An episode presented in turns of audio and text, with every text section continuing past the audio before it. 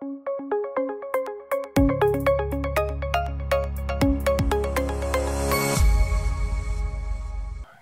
юм боолё. Өрөөтэй Идрээс подкаст эхлэх гэж байна.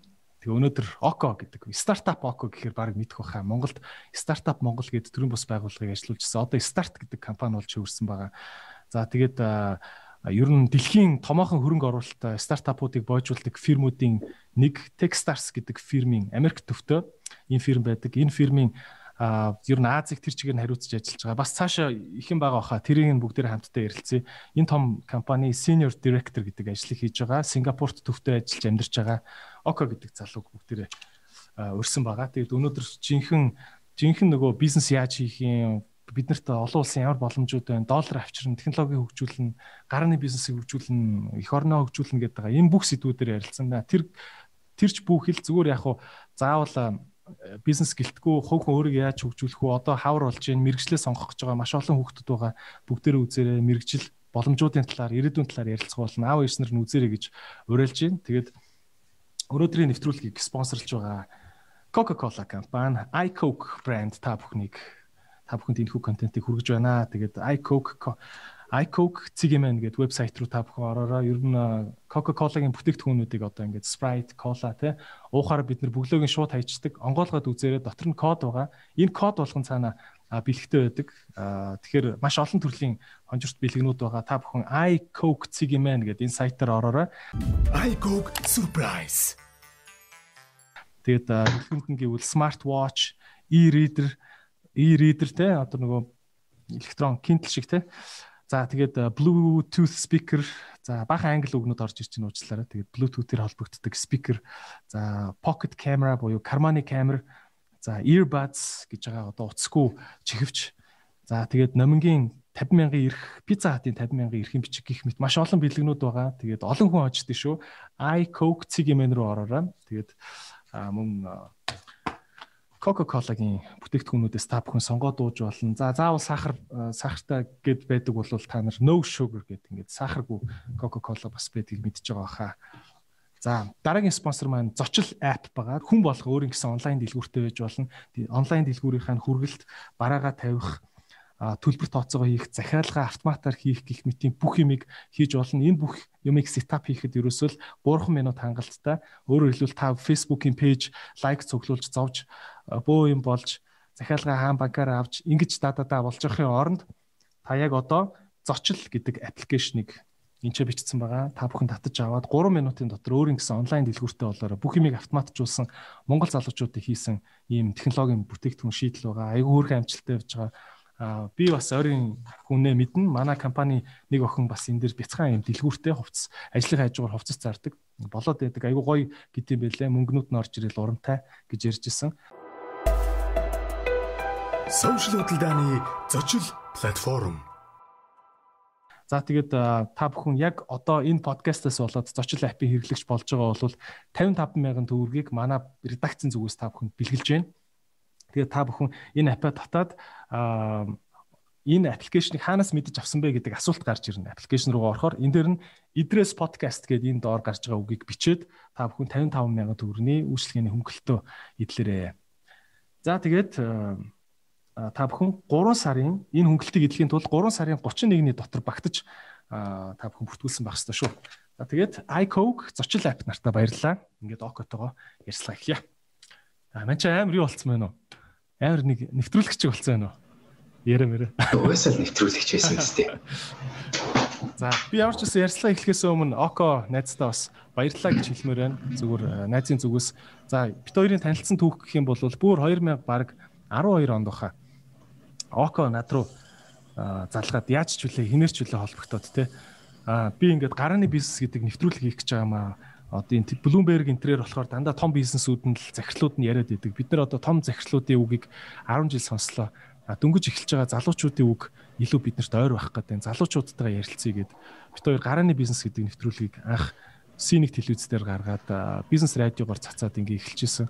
А би тэгэхэд хизээч камер мамрын өмнө гарч үзээгүй, хизээч юм ярьцлага энтер хийж үзээгүй, комедич баг эхлээгүй тийм ер нь бол хинч мэдтгүү зүгээр л нэг нисгт мятад ажилтдаг инженер залуу байхад ягаад ч Око намайг олоод тэгээ залгаж исэн. Тэгээд анх одоо яг энэ медиа, интернет, контент гэдэг юмыг анх одоо Окого Око маань намайг гар ганцанд хөлийг дөрөнд хөргөж өгчээсэн. Тэгээд Окодо маш их баярлалаа. Тэгээд ямар ч байсан тэр үед гарааны бизнес гэдэг үгийг би бас анх Окогийн амнаас сонсч ирсэн л та. Тэгээд татарын мөгийн бизнес радиогийн захирал тэгээд Око энэ хоёр суудсан стартап гэдэг үгийг бит хоёр гарааны бизнес гэж орчуулж байгаа гэдэг. Надад энэ орчуулга бас айгүй яг гоё наалтцсан монголоор гоё буус орчуулга санагдчихсэн. Тэгээ би ч гэсэн өөрөө дөнгөж яг гарааны бизнесээ эхэлжсэн болохоор их гоё байсан. Тэгээд миний хувьд бол яг хуу эхэндээ нэг тэгж гарааны бизнесийн экосистемийг хөгжүүлээл Монголоор нь хөгжүүлнэ гэдэг юм том зургаар харж чадахгүй байсан. Гэхдээ яг хуу зүгээр өөрийнхөө бизнест бас хэрэгтэй болов уу гэдэг Окогийн саналыг шууд хүлээж аваад аа ингээд телевизийн ах камерын өмнө гарч үзчихсэн. Тэгээд аа сүүлд нь яг Окогийн юу яриад ирснийг ойлгож эхэлсэн. Тэгээд аа бас гэхдээ нэг юм чинь чамайг тгийж урьсан шалтгаан чинь би сандгийн би нөгөө дөнгөж Монголд ирчээд гарааны бизнесийг хөгжүүлье гэдэг. Тэгээд нэг үйл ажиллагаа зохиохоо те тэгээд нэвтрүүлэг хийхээр болоод ашгүй. Тэгээ ингээд би ганцаараа хөтөлж болохгүй хоёлаа байх хэрэгтэй гэдэг. Тэгвэл өшөө моментум энергитэй байна. Тэгээ бид нэг бид нар нэг өдрийн цайны үйл ажиллагаанд орсон санагч байна. Тэгээ тийч яг ингээ гадаадаас төгсөж ирсэн монгол залуучууд бүгд нэг хүртэл тэнд байсан те. Миний бод яг санахыг. Тэгээ бид нар ингээ бөөнөр байгаад би чамтай ярьсан чи чи програмыг мэдчихсэн, Y Combinator мэдчихсэн. Чи яг нөгөө бидний хэлдгээр нөгөө ялаанд нь хазуулсан хүн байсан. Тэгээ яг үг хэллгүүд мэдээд миний судалж байгаа юмыг судлаад, миний сурч байсан юмыг сурч байсан болохоор ерөөсө асуулт байгаагүй. Оо энэ энэ залууч нь энэ шар залууч чи яг муу юм байна штэ гэдэг. Бор залуу залгсан. Тэгээ нэг бор залуу нэг шар залуугаар холбоо яриад тэгэл тэгэл хоёлаа хийж ихэрсэн. Тэгэл яг хоёлаа яг тэгэл фит болцсон шүү дээ. Яг хийгээл үтсэн чи яг нэг нэрээ нөхөж чадаал тэгээд айгүй өвчин алаад тэгээд Тийм. Тэгээд гарааны бизнес гэдэг нэвтрүүлэг YouTube-ээр нэг 50 дугаар гарсан. Телевизээр нэг 80 дугаар гарсан тий. Одоо бичлэгнүүд нь одоо хааж үйт юм бүү мэдээ. Окод байдаг баха тий. YouTube дээр гарч бүгд тий. Гарааны бизнес гэдэг кириллэр бичээд. Тийм. Тэгээ ямар ч үсэн Око найздаа тэгээд энэ завшааныг одоо тохиолдуулаад тий. Ямар ч үсэн баярлаа. Миний бас яг бизнесийн карьерийн хамгийн одоо ихэнд маш их надаа мэдээлэлээ солилцдог аа тий бас юм медиа медиагийн өмнө ингэж гарахад маш их тусалсан ийм хүн байдаг. Тэгээд өнөөдөр бүгдээрээ яг одоо ингээд магадгүй би одоо 11 онд 12 онд ямар байсан шиг дөнгөж ингээд бизнесээ дөнгөж эхлэх гэж байгаа залуучууд байвал бас око дахиад тэр хүмүүст маш хэрэг болох байх гэж бодож байна. За. За ямар ч окогийн фэнүүд гэхүү одоо фолловерууд гэж ярьсан зүгээр бах те. Фолловерууд өөрөө бас сошиал медиа дээр хийдэгтэй байдаг. Олон асуултууд явуулсан. Би шууд фолловеруудын асуултаас эхэлчихье гэж бодож байна. За аа за ийм юм байна. Өөрийнхөө хүрээллийг хэрхэн бий болгосон бэ гэдэг асуулт байна. За Око бол ерөөсөө ерөөсөө л одоо Techstars гэдэг тэр компани компани одоо тэр захирлуудтай бол зүгээр ингээд найз штэ. Тэгэл Америкт нисч очивол хамт амарч амраал яаж ийм лаг хүрээлэлд орчвоо те яаж ингэж гоё дэлхийн хүн яваад байна? Одоо энэ баг л Аз гэж хэлмээр байна. Гэхдээ бас яг нөгөө талд нөгөө Аз гэдэг чи юу лээ гэдэг дээр те зөв цаг нь гарч ирэх үед бэлтгэлтэй байж чадсан. Тэгээд айгу хөдөлмөрлсөн юм болов гэж бодож байна. Гэхдээ тэгээд надад айгу тийм нөхцөл нь таараадсэн гэж болоход би өөрөө айгу тодорхой юм хүсэж байсан. Тэгээд тэрний хадагуу таарсан. Гэхдээ би энэ хүрээл гэдэг дээр бас айгу анхаарал тавьсан хүн л дээ. Тэ бас яг бүр яг энийг айгу шилж гоолж өөрчилж дуршиж айгу их тэгдэг хүн Тэгээ тэрнийхээ ачаар угаасаа явж явж юу н хараад ах амжилттай хүмүүсийг хараад ах урт хугацаанд нэг амжилтанд нь нөлөөлдөг зүйл нь тэдний хүрээлэл юм байна гэдгийг батлагдсан байдаг. Тэгэхээр би тэр айгу анхаарал тавьдаг айгу чухалчилж хардаг. Тэг тиймч болохоор тэгж байгаа гэж бодож. А тэгээ одоо ч гэсэн хичээж байгаа зүйл нь хүний хүрээллээр л бидний өсөх чадварыг хязгаарлагдаад байна гэдгийг хард юм байл л та. Маш энгийн жишээ. Ижил хүмүүстэйгээ яриад хахаар бид нар яг л идэлшгүйгээ л ашиглаад байдаг. А нэг өөр нэг шал өөр хөндлөнгийн ч юм одоо мундаг хүн тэр ярианд ороод ирэнгүүт шал өөр сэтгхүүний төвшин шал өөр үгийн сан шал өөр дуршлаг орж ирэл тэгэл тэрийг дагаад тэр хүрээлийн хүмүүс бүгдээр даадаг гэж бодож байна. Тэг тэгжил тийм болохоор би айгу тэрэн дээр айгу анхаардаг. Тэгээ одоо бүр яг атстай тэгэл хөдөлмөрлөл хийсэн болохоор тодорхой хэмжээгээр бас хүрээлэл айгу гоё болж эхэлж байгаа. Одоо танаа тэр Techstars гэдэг компани чинь бүр Seattle хот төвтэй Америкт байдаг. А чи чинь бүр Улаанбаатарт байсан. Одоо Сиэтл хотоос Улаанбаатар руу ингээ өнгийгөө тарахад бол яг үндэ бол баг Улаанбаатараас ингээд бүр Баруун аймгийн сумын төв рүү харж байгаа юм шиг л тэгж хол санагдсан шүү дээ. Бас жижигхэн санагдан те. Яаж чи тэндээс одоо Bradfield гээл одоо амар том хэдэн сая долларын ашигтай ажилдаг юм. Тэр нь бол бизнес ертөнцтэй бол том нөхөр шүү дээ. Яаж энэ хүнтэй тэгж ингэж хүрээлт нь орсон гэх юм уу одоо контактлсан. Анх анх Сиатлаас эхэлсэн мөртлөө Boulder төвтэй хөрөнгө оруулалтын цаана одоо болохоор Boulder Colorado Colorado төвтэй. Тэгээд юу яг хэрвээ түүхийг харах юм бол яг ер нь яасан бэ гэхээр Малайзийн засгийн газартай гэрээ байгуулсан байгуулгана. Тэгээд тэнцээ тэр Малайзийн засгийн газрыг гэрээнийхээ хүрээнд тэр офсыг авч явах хүн хүслийгээд тэгээд над руу тэр тухайн үед э, одоо менежер хөссөн хүн холбогдоод тэгээ би тэрийг сонсон гутаа тэр үед би яг Монголд C1-ийн шинжилгээр ажиллаж байсан. Тэгээд би угаасаа нөгөө Монгол стартап Монголыг хөгжүүлэх яг гарааны бизнесийн тухай ажиллаа явж байсан. Тэгээд нөгөө олон улсын юмд хитвхтэй оролцдог байсан тийм ээ гадагшаа хүмүүстэй хайрцах энэ гэдэг аягүй хийдэг байсан болохоор тэр сувг нэгдэд ирсэн. Тэгэхээр би шууд л за оролдож үзье гээл тэгэл ярилцаал тэгээд нөгөө өмнөх түүх энэ байсан болохоор тэр боломж гараад тэр ажлыг аваад Малайз руу ах явж байсан. Чи нөгөө ярилцаад гэж хэлж байна л да тий. Ярилцаад тэгэхээр яа гэсэн үг уцаар ярина гэсэн үг юм уу? Эсвэл имэйлээр л ярилцах уу? Эхлээд бол шууд имэйл ирсэн тий. Хөөе око гэдэг. Гэхдээ айгу сони юм энэ бас айгу бас Азиг би болгоно гэдэгтэй айгу холбоотой. Adam Adam гэж залуу VP Vice President залуу.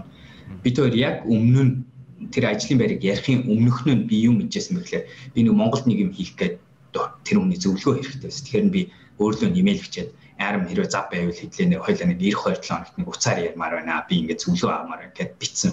Тэгээд арим битэр орой Монголын цагаар орой Америкийн өглөө хоёлаа ингээ кол хийгээ байж байгаа. Зүгээр би аримтай янз бүр ярьж байсан. Арим ярьж ярьж ярьжсэн. Өө Око нэр бид нар нэрээ энэ Малайз тийм нэг гэрээ авч байгаамаа. Тэгээ ингээ засгийн газартай чи ер нь тэр талаар юу гэж бодож байна гэх. Тэгээд нэг нэгсэндээ ийм гинтийн одоо ярилцлага тийчээ болцсон тий. Хоёр найз ярьж байгаа л өгсөн чи юу юу гэдэг байгаа нэг мань нэг юм юм хийгээд байгаа шүү дээ гэл ингэдэг шиг юм болцсон юм тий. Яг л яг л бүр абсолютли. Тийм ээ тий. Тэгэхээр ер нь бол банаахан тэгж боддог шүү дээ ингээл Монголд байхаар тэр одоо Америк битгийл Малайз хүртэл нэх тэр холын айхтар баян гадаадын орон бид хэд нэг л юм сумын төвийнх юм шиг санагдаал одоо тоож уцаар ярих юм болоо да гэж бодоод имэйл бичгтээ хүртэл ингээл салглал өстой hello dear гэл юу гэж бичгүү ихний өгүүлбэрээ бараг цаг бодоол ингээл зовдөг штэ чи яаж нэг юм юм зовлонгүй яриад байгаа? Тий одоо а бид хоёр шууд ингээл VP гэдэг чи одоо ер нь бол дид ерхийлэгч гэсэн үг дээ тий? Дид ерхийлэгч наа ингээ хоёлаа уцаар яригээд би Монголоос бичсэн гэж. Чи тэр үедээ ингээ жоо сандраад уцаар ярих гэж бичгүй яах вэ энэ төргээ бодож исэн юм байгаа юу мэдээч хэрэг сандрах уу, санаа зовх уу, айц байх уу гэдэг бол байдаг л байсан баг тэр үедтэй. Яг тэгэхээр би чинь бас тодорхой хэмжээгээр миний хийж байгаа ажлын хүрээ мэдж байгаа зүйл хязгаарлагдмал нөгөө талд нь тэр хүний чи харахаар дандаа өөдөө харж байгаа юм шиг санагдаж байгаа юмнууд байгаа. Гэхдээ нэг онцлогын нэг entrepreneurship гэдэг юм яагаад энэ энэ entrepreneur буюу бизнес эрхлэгч гэдэг энэ нэг яагаад Монголд хөгжүүлэхэд би зүтгээдсэн бэ гэдэг чи зүгээр бизнес эрхлэхээс гадна яг энэ нэг дагж орж ирж байгаа тэр нэг хувь хүний нэг соёлын шилжилт гэдэг чи айгүй сонирхолтой зүйл байгаа байхгүй тийм бидний заадаг зүйл чинь тэнд яригддаг зүйл чинь өөрөө л өнөөдөр боломжийг олж хараа зоригтой хөдлөх а тэрэнд итвэхтэй оролцох заавал өөрийгөө доошо харахгүй оролдож үзэх туршилтаар тийм ээ юмыг илрүүлэх энэ гэсэн юм суур амьдралын хандлага заагаад байгаа юм шиг санагддаг. Тэг би миний бодлоор би оюутан байхдаа л Америкт анхны стартап байсан тийм. Тэг тэр үеэс нэг сурсан зүйл чи юу вэ гэхээр би оролдож үзээд асууж үзээд зууралтаж үзэхгүй бол ер нь наашаа ирэх нь тийм одоо амьдралын сонголтын зөв магадлал магадлалтай хувилбар бол биш баг. Тэгэхээр би ядаж оролдож ингээд орилж үзье гараа дэшээ өргөж үзье хөөйгээ дуугарч үзье. Тэгэх юм бол надад магадлал нь өснө гэдгийг жоохон эрт бас ойлгоцсон гэж бодож байна л да. Тэгээ тэрийг бас юм нэг юм оролдож үздэг хүмүүс өөрсдөө бас мэддэг. Айц манаараа баг болчдөг гэж боддог. Тийм тий. Айсан ч гэсэн айж байгаа ч гэсэн ингээд юу яа тийм ганц л амьдрын гэдэг нэг оролдоод үздэг тий Тэр зан их чухал л та тий. За ганц л амьдрын гэж чийсэр үгийг хэлж яана. Энэ миний энэ шивэс ч юм болохоор яг Memento Mori гэдэг шивэс байдгийн чинь ингээд энэ Филиппинд амьдарч байхдаа авсан шивэс гэдэг. Тэгээ энэ шивэсний санаа нь юу вэ гэхээр бас л хөөе ер нь үххээ мартаж болохгүй шүү гэсэн үг байхгүй тийм. Аа тэгээд Ромын генералууд чихэндээ шивнүүлдэг байсан үг нэж байгаа. Парадынхаа үеэр. Тэгээд тэрний үг үг вэ гэхээр ганцхан амьдрнаа нэг талаар эгого доошоо давж та одоо ингээд ялцсан юм шиг явж байгаа ч гэсэн хизээч ялагдчих магадгүй шүү. Үхэн гэдэг тийм мартар. А нөгөө талаараа бас хэлж байгаа зүйл чинь ганцхан амьдрын зөрөгтэй бай. бүх юм таны сонголт л гэсэн санааг бас дахиад миний бас ашигладаг л арга мөн л дээ өөрөө зоригжуулах гэсэн тий. Надаа нэг зүгээр таксины таксины жолооч гэж тий халтур хийжсэн ах. Би такси өрөөд явж байхгүй. Тэгээд надаа амар яг тэр үгэн санаанд орчихсон. Митө хэдий бол айж алгын чиний амьдрах юм бэ гэд. Монгол монголоор бол алгын чиний амьдрах гэж хэлээд байгаа. Талын чиний амьдрал таах дөө. Айж алгын чиний амьдрч болохгүй гэд надад хэлсэн. Би тэгэл тэр үгийг дотроо бодолгүй нэр яахаар юу юм ингээл тэг ингээл яаж ингэж бол тэгч бол гэл яахаар ингэж явах хэвтэй бодчихлээ л тий. Memento mori гэдэг. За дараагийн чиний follower-ийн асуулт ирж байна. За 5 жилийн дараа өөрийгөө юу хийж байгаагаар төсөөлж байна вэ? Хоёлоо чиний яг 5 жилийн дараах өнөөдрийг зураглая л та. Око юу гэж сууж явах вэ? Би 10 жилийн дараах зурлал аягүй тодорхой болсон байгаа. Тэгмээ 5 жилийн яг тэрний дундах зураглал байгаад байгаа. Тэгээ тэрний юу харагдж байна гэхлээр би бол одоо дараагийн 10 жил би өөрийнхөө юм дээр сүлүүд ярьж байгаа юм. Би дөнгөж одоо л эхэлж байгаа юм шиг санагдаж байгаа. Дөнгөж сая л их сургуулаа төгсөө одоо л ажлын гараанд орж байгаа юм шиг. Би одоо 36 таа. Тэгэхээр дараагийн 10 жил миний бүр хамгийн том 10 жил болох юм байна гэж харж байгаа. Тэгээ тэрний юу гэсэн үг вэ гэхээр би бүр 0-оос эхэлж байгаа юм шиг хөдөлмөрлөхөд бэлэн байна. Би юу ч мэдэхгүй юм шиг дахиад юм их сурч эхлээд бэлэн байна. Тэгээ тэр утгаараа 5 жилийн дараа болцтой ид голд нь орсон алдчих яах вэ юм. Тэгэхээр би төслийн хэмжээ ихсэн, шинэ оролдож явж байгаа зүйлүүд ихсэн. Тэгээ хаашаа чиглээд байна гэж харангууд надад нэг тодорхой юм харагдаад байгаа. Тэр нь болохоор би хөрөнгө оруулагч болно. А өөрийнхөө юм уу хүмүүсийн мөнгөн дээр тийм ээ суурилсан сан авч яваад тэргээрээ гараан бизнес стартапууд хөрөнгө оруулалт. А тэр ихтэй ихтэй зөвхөн Монголын стартапууд биш. Би одоо угаасаа хэдэн стартапт хөрөнгө оруулсан байгаа. Тэрийг өшөө өргөжүүлэн олон улсын дээр өшөө тулж ажиллана. Тэгээ яагаад би тэрийг хийх дуртай вэ гэхээр стартапын нэг хийдэг зүйл нь яахаар хүний амьдралыг хүн төрөлхтний зүйлүүдийг өөрчлөд байгаа. Технологиуд хүмүүс байгаад байгаа.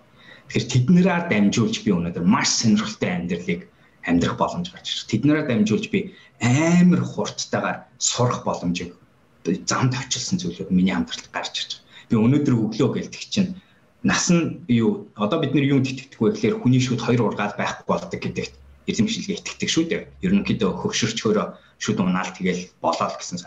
Тэгвэл өнөөдөр өглөө би Японы 20 хэдэн жилийн судлаан дээр суурьсан third tooth generation regeneration гэдэг антибиотик үүсгэсэн компанид ажиллаж байгаа байхгүй юм. Тэр бол одоо хэрвээ тэгээд clinical trial буюу яг нөгөө эмнэлгийн туршилтаа хийгээ эхэлсэн. Нэгдүгээр фейз дээр явж байгаа. 27 онд магадгүй судалгаанаас гарна гэж байна. Хэрвээ тэр биелчих юм бол тэр одоо маш сонирхолтой салбар, маш сонирхолтой амьдралыг өөрчилсөн технологи нэвтэрж байна. Иймэрхүү юм хийх боломж надад тэр хөрөнгө оруулагч гэдэг ажил тэр тэр амьдралын сонголт олгоно гэж ойлгож байгаа. Тэр би ястаа яг ид тэрийгэ босгож байгаа хүн байна. За тэгэн гутаа тех тусмаа магадгүй Сингапурт байж магадгүй миний бас дараачаа харж байгаа болсон Тайванд жоохон бай гэж бодож байгаа. Тайваны засгийн газартай төсөл төр хийж бол. Тэгэхээр нэг Монгол Тайван хоёрын хооронд амьдэрсэн тий. Аа тэгэл өшөө хийх сурсан. Дахиад бас дараачих нь юу вэ гэснийг хайсан нэг тийм хүн болох болов гэж бодож шүү. Өшөө боорсон айгүй. Айгүй гойсон сэгч 10 жилийн дараахаа нэг товч яриач. 10 жилийн дараа око ямар байх вэ? 10 жилийн дараа бол би яг нөгөө өөрийнхөө цагийг бүрэн худалдаа авсан байх болов гэж бодож байгаа. Бүр яг тэрэнд бол аягүй итгэж байгаа. Гэдг нь өөрөөр хэлбэл би санхүүгийнхаа нөхцөлийг өстой жинхэнэ өөрөө удирдсан. А тэгээд орлогын хэсрүүлж болон нэг баялагын хуваарлтыг хийх хангалттай тийм нэг мөнгө хоримтлуулсан, баялаг хоримтлуулсан байна. Нэг нь хоёрт нь болохоор би сурах гэдэг юмныхаа нэлээд гой төвшөнд нь ороод яг дараачийн тэрний дараачийн 10 20 жилийн чиглэлээ айгүй гой тодорхойлцсон байна гэж харж байгаа. Тэгээд тэр нь бол өшөөл нарийн юм руу орно. Өшөө жоохон гүнзгий болж эхэлнэ гэсэн. Ирэх 10 жил би жоохон өргөн ажиллана а тэрний дараа би гүнзгийрч эхэлнэ гэж харж байна. Аа. Илүү өөртөө цаг гаргаад яг хамгийн гол зүйл дээр фокуслж ажиллана гэсэн үг юм тий. Өшөө одоо наймалцах шаардлагагүй болно гэж бодож байгаа тийм ээ. Аа. Ойлголоо. За дараагийнх нь шал дали асуулт орж ирж байна. Forex суралцж байгаа гэсэн хэр үр дүнтэй байгаа вэ? Энэ Forex гэж юу юм бэ? Яг үн дээр найсан өстой энийг огт судлаагүй зүйл. Би энэ дээр подкаст хийсэн байгаа. Гэхдээ ерөнхий санаа нь болохоор foreign exchange гэдэг үгээ forex болгоцсон. Тэгээд арилжааны хоёр арилжааны хоорондын хэлбэлцэлээр л 8 альцдаг л зүгээр л 8 одоо хувьцааны хувьцаатай 8 альцдагтай адилхан. Америк доллар шин Зеланд долларын хоёрын хоорондын хэлбэлцэлээр унахаар нь доошо шорт хийгээд босгоор нь лонг хийж байгаа л зүгээр л юм. Хувьцааны трейдинг буюу. шорт ийн гэдэг чинь байгаа юм а бэлэн унан гэдэг таамаглалыг гаргаад ирээдүйн гэрээ худалдаж аваад өнөөдөр бооцоо ичиж байгаа нэг тийм санхүүгийн аргачлал да тий. Одоо bull market, bear market гэж ярьдаг тий. Тэгээ forex гэдэг нэрээр одоо юу бий болсон гэхээр ер нь одоо хилээд байгаа зүйл нь day trade буюу short term trader-уудыг л forex гэж нэрлэдэг. Тэгээ зөвхөн тэд нар гэхдээ forex гэдэг үг нь яагаад бас тохирдгүй гэхээр тэд нар зөвхөн валют арилждаг. Хувьцаа бас арилж. Tesla авч болно. Алт commodity бас арилжиж болдог. Нэгсэндээ арилжаал гэсэн. Ганц ялгаа нь 6 сар 9 сар юм авчаа суугаад ахгүйгээр өдөрт нь юм 4 хоногт бүр яг тодорхойлт нь болохоор 4 хоногт багтаж позишн орж гардаг хүмүүсийг хилдэг юм тэгээ. Day trade. Бүр нарийн явдаг хүмүүс нь хитгэн минутанд одоо ороод ганц 2% өсөлтнөөс ашигыг гаргадаг хүмүүс байна. Тэ. Тэгээд энийг л forex гэж нэрлэдэг хүмүүс. А тэгээ би болохоор энийг угаасаа би санхүүгийн бакалавртай байсан. Энийг хийдэг байсан оюутан байхдаа. Би Нью-Йоркийн банк руу дадлага болон тэрийг хийж явах гэж байгаа. Дахиад нэг өөр гарааны бизнес надад офер өгөө. Тэгээд энэ чиглэл рүү явцсан. Тэгэхээр уул нь би бол investment banker болох зорилготой Америкт сурч ирсэн тий. Тухайд бол. Тэгэхээр надад энэ жоох ойрхон. Тэгээ энэ санаа ерөөсөө юу юм гэхлээр бид нар худалд нөгөө trader гэсэн үг л тий. Тэгээ ганцхан хэлээд байгаа юм. Монголд энэ жоохон гарч ирээд байгаа хүмүүс нөгөө хурдан баячих аргал гэж боддог. Энд чинь яг л бүхэл бүтэн мэрэгжил тий хийж чаддаг хүмүүсийг харах юм бол 5 6 7 8 жил хийж ажил одоо тууштай үр дүн гаргадаг болсон. Тэгэхгүй бол манайхан энийг жоохон бооцсон юм шиг хараад байгаа нэг юм. Нэг ороо 500 доллар өгөөд 1000 доллар өгөөд тэгээд бүф гэд барьчаа тэгээ явчихна. Гяс нухлаал нухлаал авчихдаг тий. Ер нь гяс унангуут нь гяс худалдаж аваад өсөнгүүт нь хурдхан шиг зараад пүү па хоёр нуглаал ингээл 500 доллартай байж байгаа 7 хоногийн дараа 5000 болгохдаг нэг юм арга хэрэгсэл гэж хараад ах шиг байна тий. Тэгээ аз аз ч юм уу одоо чинь биткойн юм уу Tesla-гийн өчигдөр уржигдөр болсон биткойны хөдөлгөөнийг харах юм бол тиймэрхүү хийж болж юм л да. Яа тэгэхээр технологи ячаар одоо Robinhood ч юм уу PayPal руу ороод дуртай хүн биткойн юм уу крипто авчиж болж байна. Тэгээд дуртай үедээ ороод гарчиж болж байна. Энэ боломжгүй байсан бид хоёрыг ойтон байх үед те 10 жилийн өмнө 15 жилийн өмнө. Одоо тийм бол боломжтой болсон болохоор хүмүүсээс орох гэдэг зоригтой болсон. Гэтэл эн чинь нэг удаа хоёр удаа хожихтой ерөөсөө биш. Энийг үнэхээр л мэрэгжил болго энийг үнэхээр л амьдралынхаа орлогын их сурвалж болгоё гэж бол яг л бусад мэрэгжил шиг л авч үзэх хэрэгтэй. 7 жил. Олох боломжтойгоо адилхан, алдах боломж яг адилхан. Тийм ээ. Ер нь чи мөнгө олж байгаа гэдэг чинь цаана хин нэгэн мөнгө алдаж байгаа л гэсэн үг үстэй. Тэрнээс биш газар доороос тэр мөнгө чинь ургаж гарч ирээд тэрийг хамтдаа хувааж авч байгаа гэсэн үгнээс биш үстэй тийм. Тийм. Эргэлдэж байгаа л асуудал. Тийм. Би бол ойлгосон шүү. Тэгж л ойлгосон шүү. Энэ forex center гэдэг зүйл бол туршлагагүй хүмүүсийнхаа мөнгийг азтай туршлагатай хүмүүс нь хамж авдаг тийм л талбар юм байна л гэж ойлгосон шүү. Өөр яхахгүй тийм. Амьдралын бослогтой л адилхан. За окей. За энэ forex гэдэг сэдвэр ер нь үзэгч нартай хэлэхэд forex мөгчин гэд алдартай хүн байгаа бас тий. Сошиал дээр их цуурай татуулдаг мөгчин гэж залуутаа forex-ийн талаар маш их нуцтай ярилцсан гэсэн байгаа. За окотой ингээ forex-ийн талаарх яриаг өндөрлөе. За. За ийм асуулт ирсэн байна. Боломж байгаа хэрнээ ашиглахгүй байгаа хүмүүсийг хараад бухимддаггүй. Ер нь тий за ер нь нэг ийм ийм асуулт байна. Жохон сунжруу юм байна За бусдад өөрийн амжилтаа байнга ярих нь тэдэнд хэр их нөлөөлнө гэж боддөг вэ? За ийм хоёр асуулт ирсэн. Дээр үед боломжтой мөртлөө боломжоо ашигладаг хүмүүсийг харахаар дотор өстэй айгүй хэцүү байдаг байсан. Бүр үнэхээр frustrate болдог байсан. Яа тэгэхээр нөгөө хүмүүстэй харьцуулаад хажууд нь ямар ч боломжгүй мөртлөө айгүй хэцүү тэгээд тэгээд нөгөө нөхцөл нь айгүй хэцүү байгаа хүмүүсийг хараад ямар шудраг бос вэ гэдэг үгийг агиох ашиглаж ярьдаг байсан. А тэгээ сүүлд ойлгосон зүйл нь шудраг гэдэг яриа угаасаа системийн хувьд шал зориггүй үйлдэлгүй үг юм байна. Тим концептыг авч явлаа гэд ямар ч хинт ч хэрэг болохгүй мэн гэдгийг ойлгосон. А тэрнийхээ оронд тухайн үедээ тэгэл нөгөө сурагч бэлэн болох үед багш гарч ирнэ гэдэг шиг хүн бэлэн болох үед цаг нь зөв болдогтой яг л адилхан тэгэл нөхцөл болгон ондоо юм бэлээ. Тэгээд юу боломжтой байна гэдэг нь зарим хүмүүс айгуугай азар болтдог ч гэсэн тэгэл тэр бас контролт нь байхаа зүйл биш. Аа бас мэдрэгж байгаа зүйл нь биш юм шиг байд юм гэдгийг ойлгосон. Хүний хөндлөн дандаа л нөгөө хөршийн зүйлэг илүү ногоон байдаг гэдэг шиг те тэгж дандаа л ажиглагддаг. Тэгээд бодит байдлын тэгээд бид нөгөө хүний өвчин өөрөө мэдэртлээ үнэхээр мэдэрч чадахгүй гэдэг л бас тийм юм. Эхний асуултын хариулт нь хоёр дахь асуулт нь болохоор а өөрийн өөрийнхөө амжилтыг байнга ярих нь хүнд яг нөлөөлж чадна гэж боддгоо.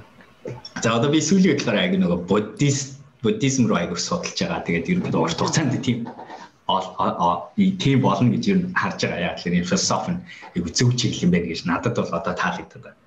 Тэгээ буддизм дээр нэг ярьдаг зүйл чинь би гэдэг зүйл байх ёсгүй гэдэг яриа гарч ирдэг. Тэгээ narcissism гэж англиар аягүй гоё үг гэдэг. Тэр нь ер нь өөрийнхөө эгог тэгээ гаргасан би гэдгийг тунхаглалыг аягүй хийсэн тавьсан. Тэгээд одоо надад дотор байдаг тэгээ миний бодлоор эдрээний дотор ч гэсэн байгаа нэг конфликт нь юу вэ гэхээр бид нэр уул нь бол одоо өөрсдөө тухай яриад өөрсдөө яриад өөрсдийнхөө юм ингээд дахин дахин давтаад хэрэг байхгүй. Нэг талаас хүсэл байхгүй философи байхгүй. А гэхдээ өнөөдрийн бидний амьдралын амьдрч буй механизмд нь тийм хэрэгцээ байгаад байна гэдэг нэг юм хоёр юм нэг эсэргүү дакарми юм нэг гой гой ч яг юм хэцүү юм гарч ирээд байгаа гэж би л хувьдаа боддtiin. Мэдэрдэг. Тэрний үсвэл би одоо өөрийнхөө амжилтыг дахин дахин ярьлаа гэдэг. Надад тэр миний эгог л услаад байгаа юм болохоос надад бол тэр бол ямар ч хэрэггүй зүйл болж хувираад байгаа тийм ээ. Яг хувь хүний маань хувьд зүрх сэтгэлийн маань хувьд сонсон би нэ. А гэхдээ би яагаад тэрийг дахин дахин хийгээд байна вэ гэхээр Instagram ч юм уу, social media ч юм уу, эдрэг чиний подкастаар дамжуулж энийг үтснээс болоод яг тэр нэг ганцхан хатгалгаа, яг тэр нэг ганцхан алхмыг хийхэд зөв цагт нь зарим хүмүүст нь нөлөөлдөг. Би олон удаа би сүүлүүд аягүй сэтгэл зүй бие авч явах энэ төр энийг ярьдаг. Тэрэн дотор нэг гарч ирдэг юм чинь амиа хорлохж байгаа санаагаа өөрчилсөн хүүхдүүдийн мессеж аягүй хэрдэг надаа англи хэл дээр ч адилхан монгол хэл дээр ч адилхан. Иймэрхүү юмыг сонсонгууд би энэ хийж байгаа зүйл маань хэдийгээр би хувьдаа итгэхгүй байгаа ч гэсэн гадагшаа эерэг нөлөө нийлүүх юм байна гэдгийг хардаг болохоор хийдэг. Буюу хийх шаардлагатай болчихно. Намайг жоохон байхад, намайг залуу байхад тэгж мотивац хийдэг хүмүүс байсан. Ер нь хараад байхад бид нар нэг тийм шиг байна. Энэ хүн энийг, энэ хүн энийг ингээ ингээ доош ингээд 10 дугаар ангийнх нь 9-ийнх нь 9 8 8 7-6 ингээ ингээд бид нар нэгийг ингэж энерги өгч, ирчүүч өгч, хатгалгаа хийж явдаг юм шиг байна. Тэгэхээр нэг тоглох хэвээр үүрэг. Тэгээ тэрнээс болоод би хэдийгээр ингэж итгэж байгаа гэсэн буддизмаар нөгөө талаараа болохоор за би хийх хэрэгтэй байна. Энэ бас миний нэг тоглох жижиг үүрэг юм байна гэж ингэж явж байгаа. Тэгэхээр чи ерөөхдөө чамайг дагдаг одоо хэдэн мянган хүн биш юма гэхэд ядаж тэр дунд чиний яг тэр ганц хэлсэн үг чинь яг тэр мөчөд ядаж 3 4 хүнд хүртэл амийн аврах хэмжээнд нөлөөлж чадж байгаа юм чамд хангалттай шалтгаан болж байгаа юм байна те. Өөр асуултгүй те. Бүр яахахгүй те. Ойлголоо. Аа, ер нь око чамд ингэ санагддгүй юу? Надад зүгээр нэг ингэ санагдаад байна. Чи хэрвээ санаж байгаа бол 2010-аас 2015 оны хооронд аа маш том юу одоо бабл гэх юм уу одоо стартапын юм хөөсрөл болсон. Маш олон хүмүүс стартап, шүн нойргүй ажил, шүн оройгүй ажил, зүтг хаасл хий баг шалан дээрээ унтаад усанд орохгүй сар ажил энтер гэдэг нэг ийм номлол айгүй их ингээд Америк юм барууны зүгээс их гардаг байсан те. Ил тэр үеийн гарч байгаа кинонууд нь хүртэл ингээл Wolf of the Wall Street гэж өстой будаа олгоол амралтгүй ажиллаад ажил дээрээ хоноол ажил гэр нь ялгахтаа болцсон ийм амьдралыг айгүйх сурчилдаг байжгаад ягаад ч гів гинтхэн нэг 16 оноос сая 2021 он хүртлийн сүүлийн 5 жил гів гинтхэн юм буддист болоод бүгд йога хийгээл баахан юм юуны тайвшруулдаг, унтуулдаг аппликейшнууд гараад л Тэгэл надаа ингэ чамайг харахаар бас яг тийг санагдаад байгаа байхгүй. Чамтай ингэ 13 он монд хамт явж ирснийг санахаар чи чинь нэг юм бор нөхөр өстө банк костюмтай ингээл хөлөрцөн хаасл гээл явдаг байсан. Одоо ингэ чамайг харахаар нэг юм амгалан нэг юм бөгч мөгчтэй нэг юм нэг юм амар амгалан ярьсан нэг юм болцсон байх. Чи чи өөрийнхөө энэ хувьслыг ер нь энэ барууны ертөнцийг бас дагж байгаа гэдэгтээ санал нийлдэг үү эсвэл зүгээр надад тийг санагтаад байна уу? Чиний амьдрал ер нь яаж хувьсаад байна оюун санаа чинь? Тий, тий. Зүгээр хэрвээ нөгөө нэг давмгайлж буй уур амьсгал тэгээд ярианы өн гайс амьдралын хэм маяг гэх юм бол яг л тэгж байгаа л да. Яг үнэндээ ялангуяа entrepreneurship-ийн амьдралд юу гараад байна вэ гэхээр тэр нөгөө тэр чинь англиар болохоор одоо бүр хэлж байгаа юм hustle porn гэж нэрлэдэг шүү дээ нөгөө үхтлээ ажиллана гэсэн санаа. Ерөөсөө бид нэр амар их ажиллаж ижил шим хүртдэг амар их ажиллаж ижил тэр компаниг бодоолоход өндөр өсөлттэй зүйл үүсгэж чаддаг инновацлог юм гаргадаг гэсэн санаа. Би хүртэл хийдэг л байсан, хэлдэг л байсан.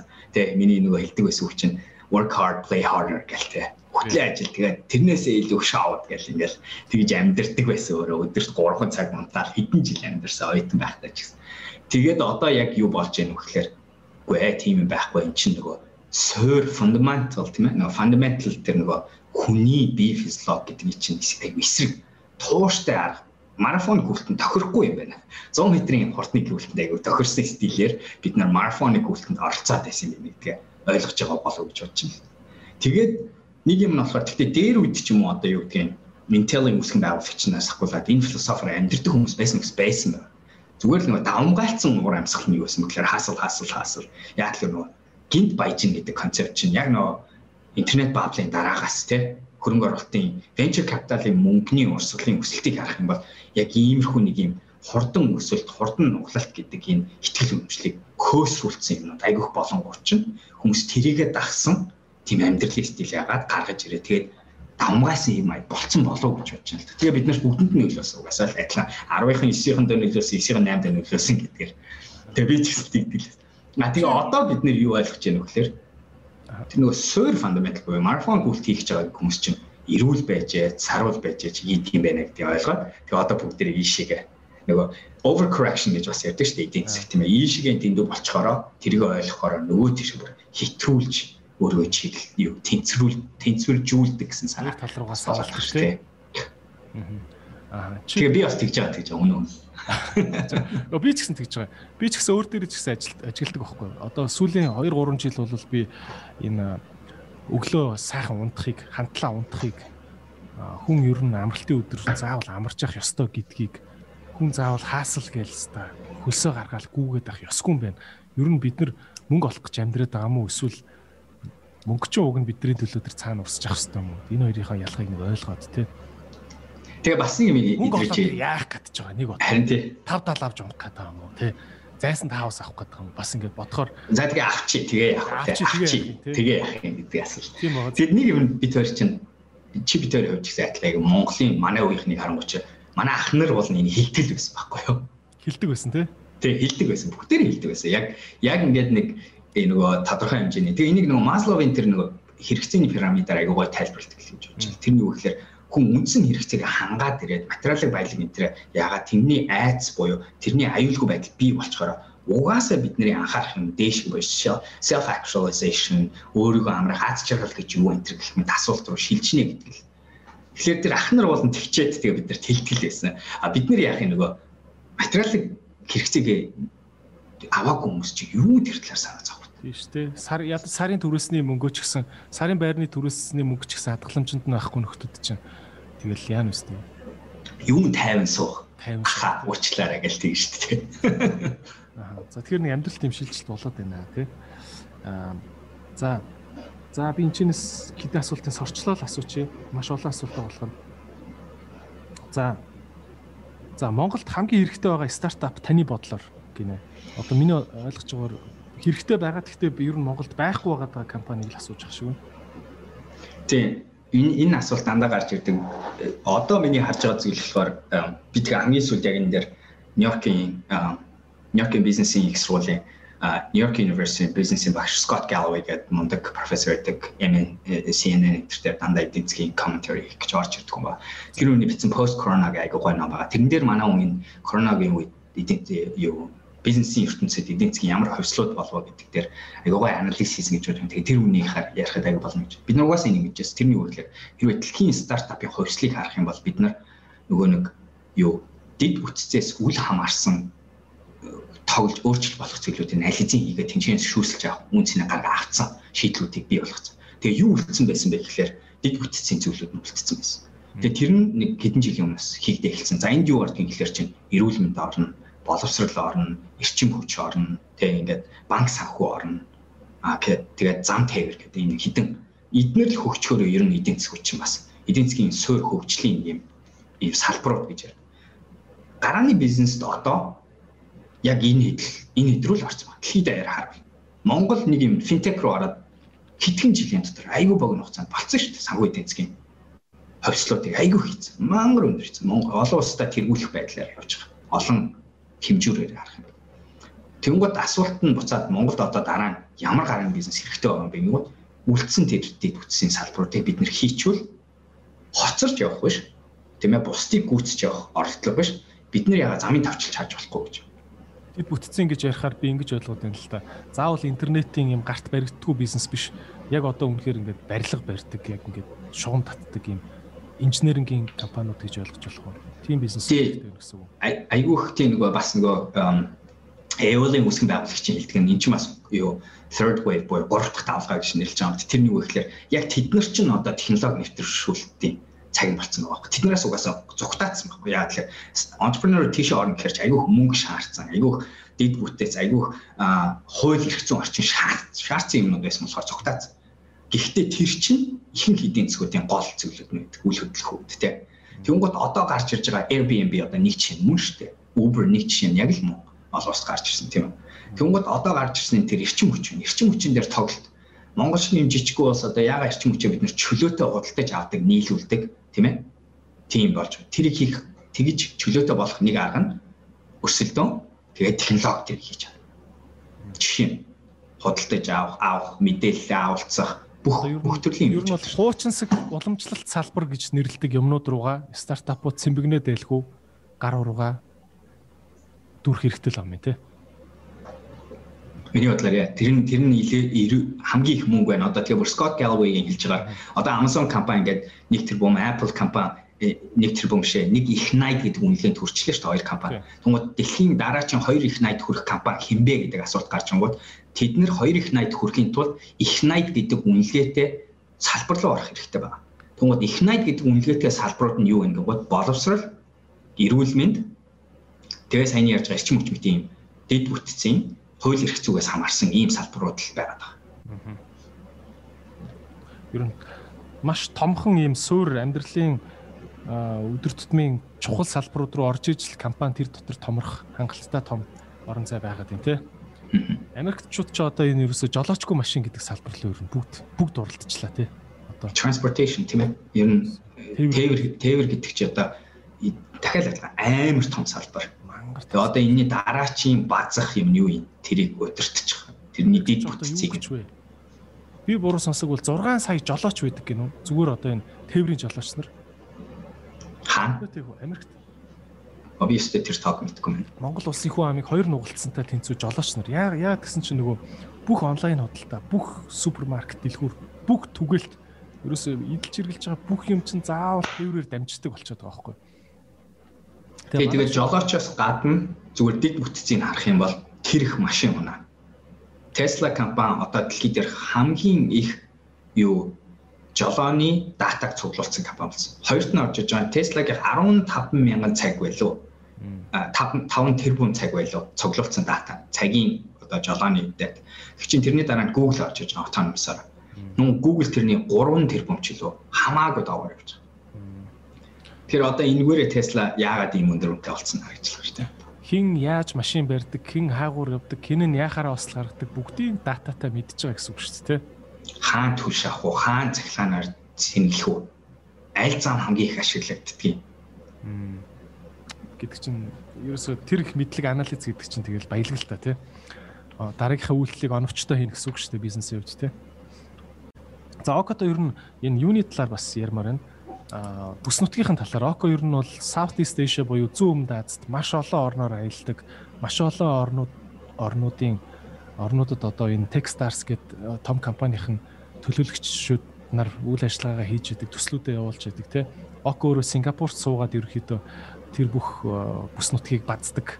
Тэгэхээр би энэ энэ зүүн Аз гэдэг том бүс нутгийн талаар Окото бас сайн ярилцмаар байна.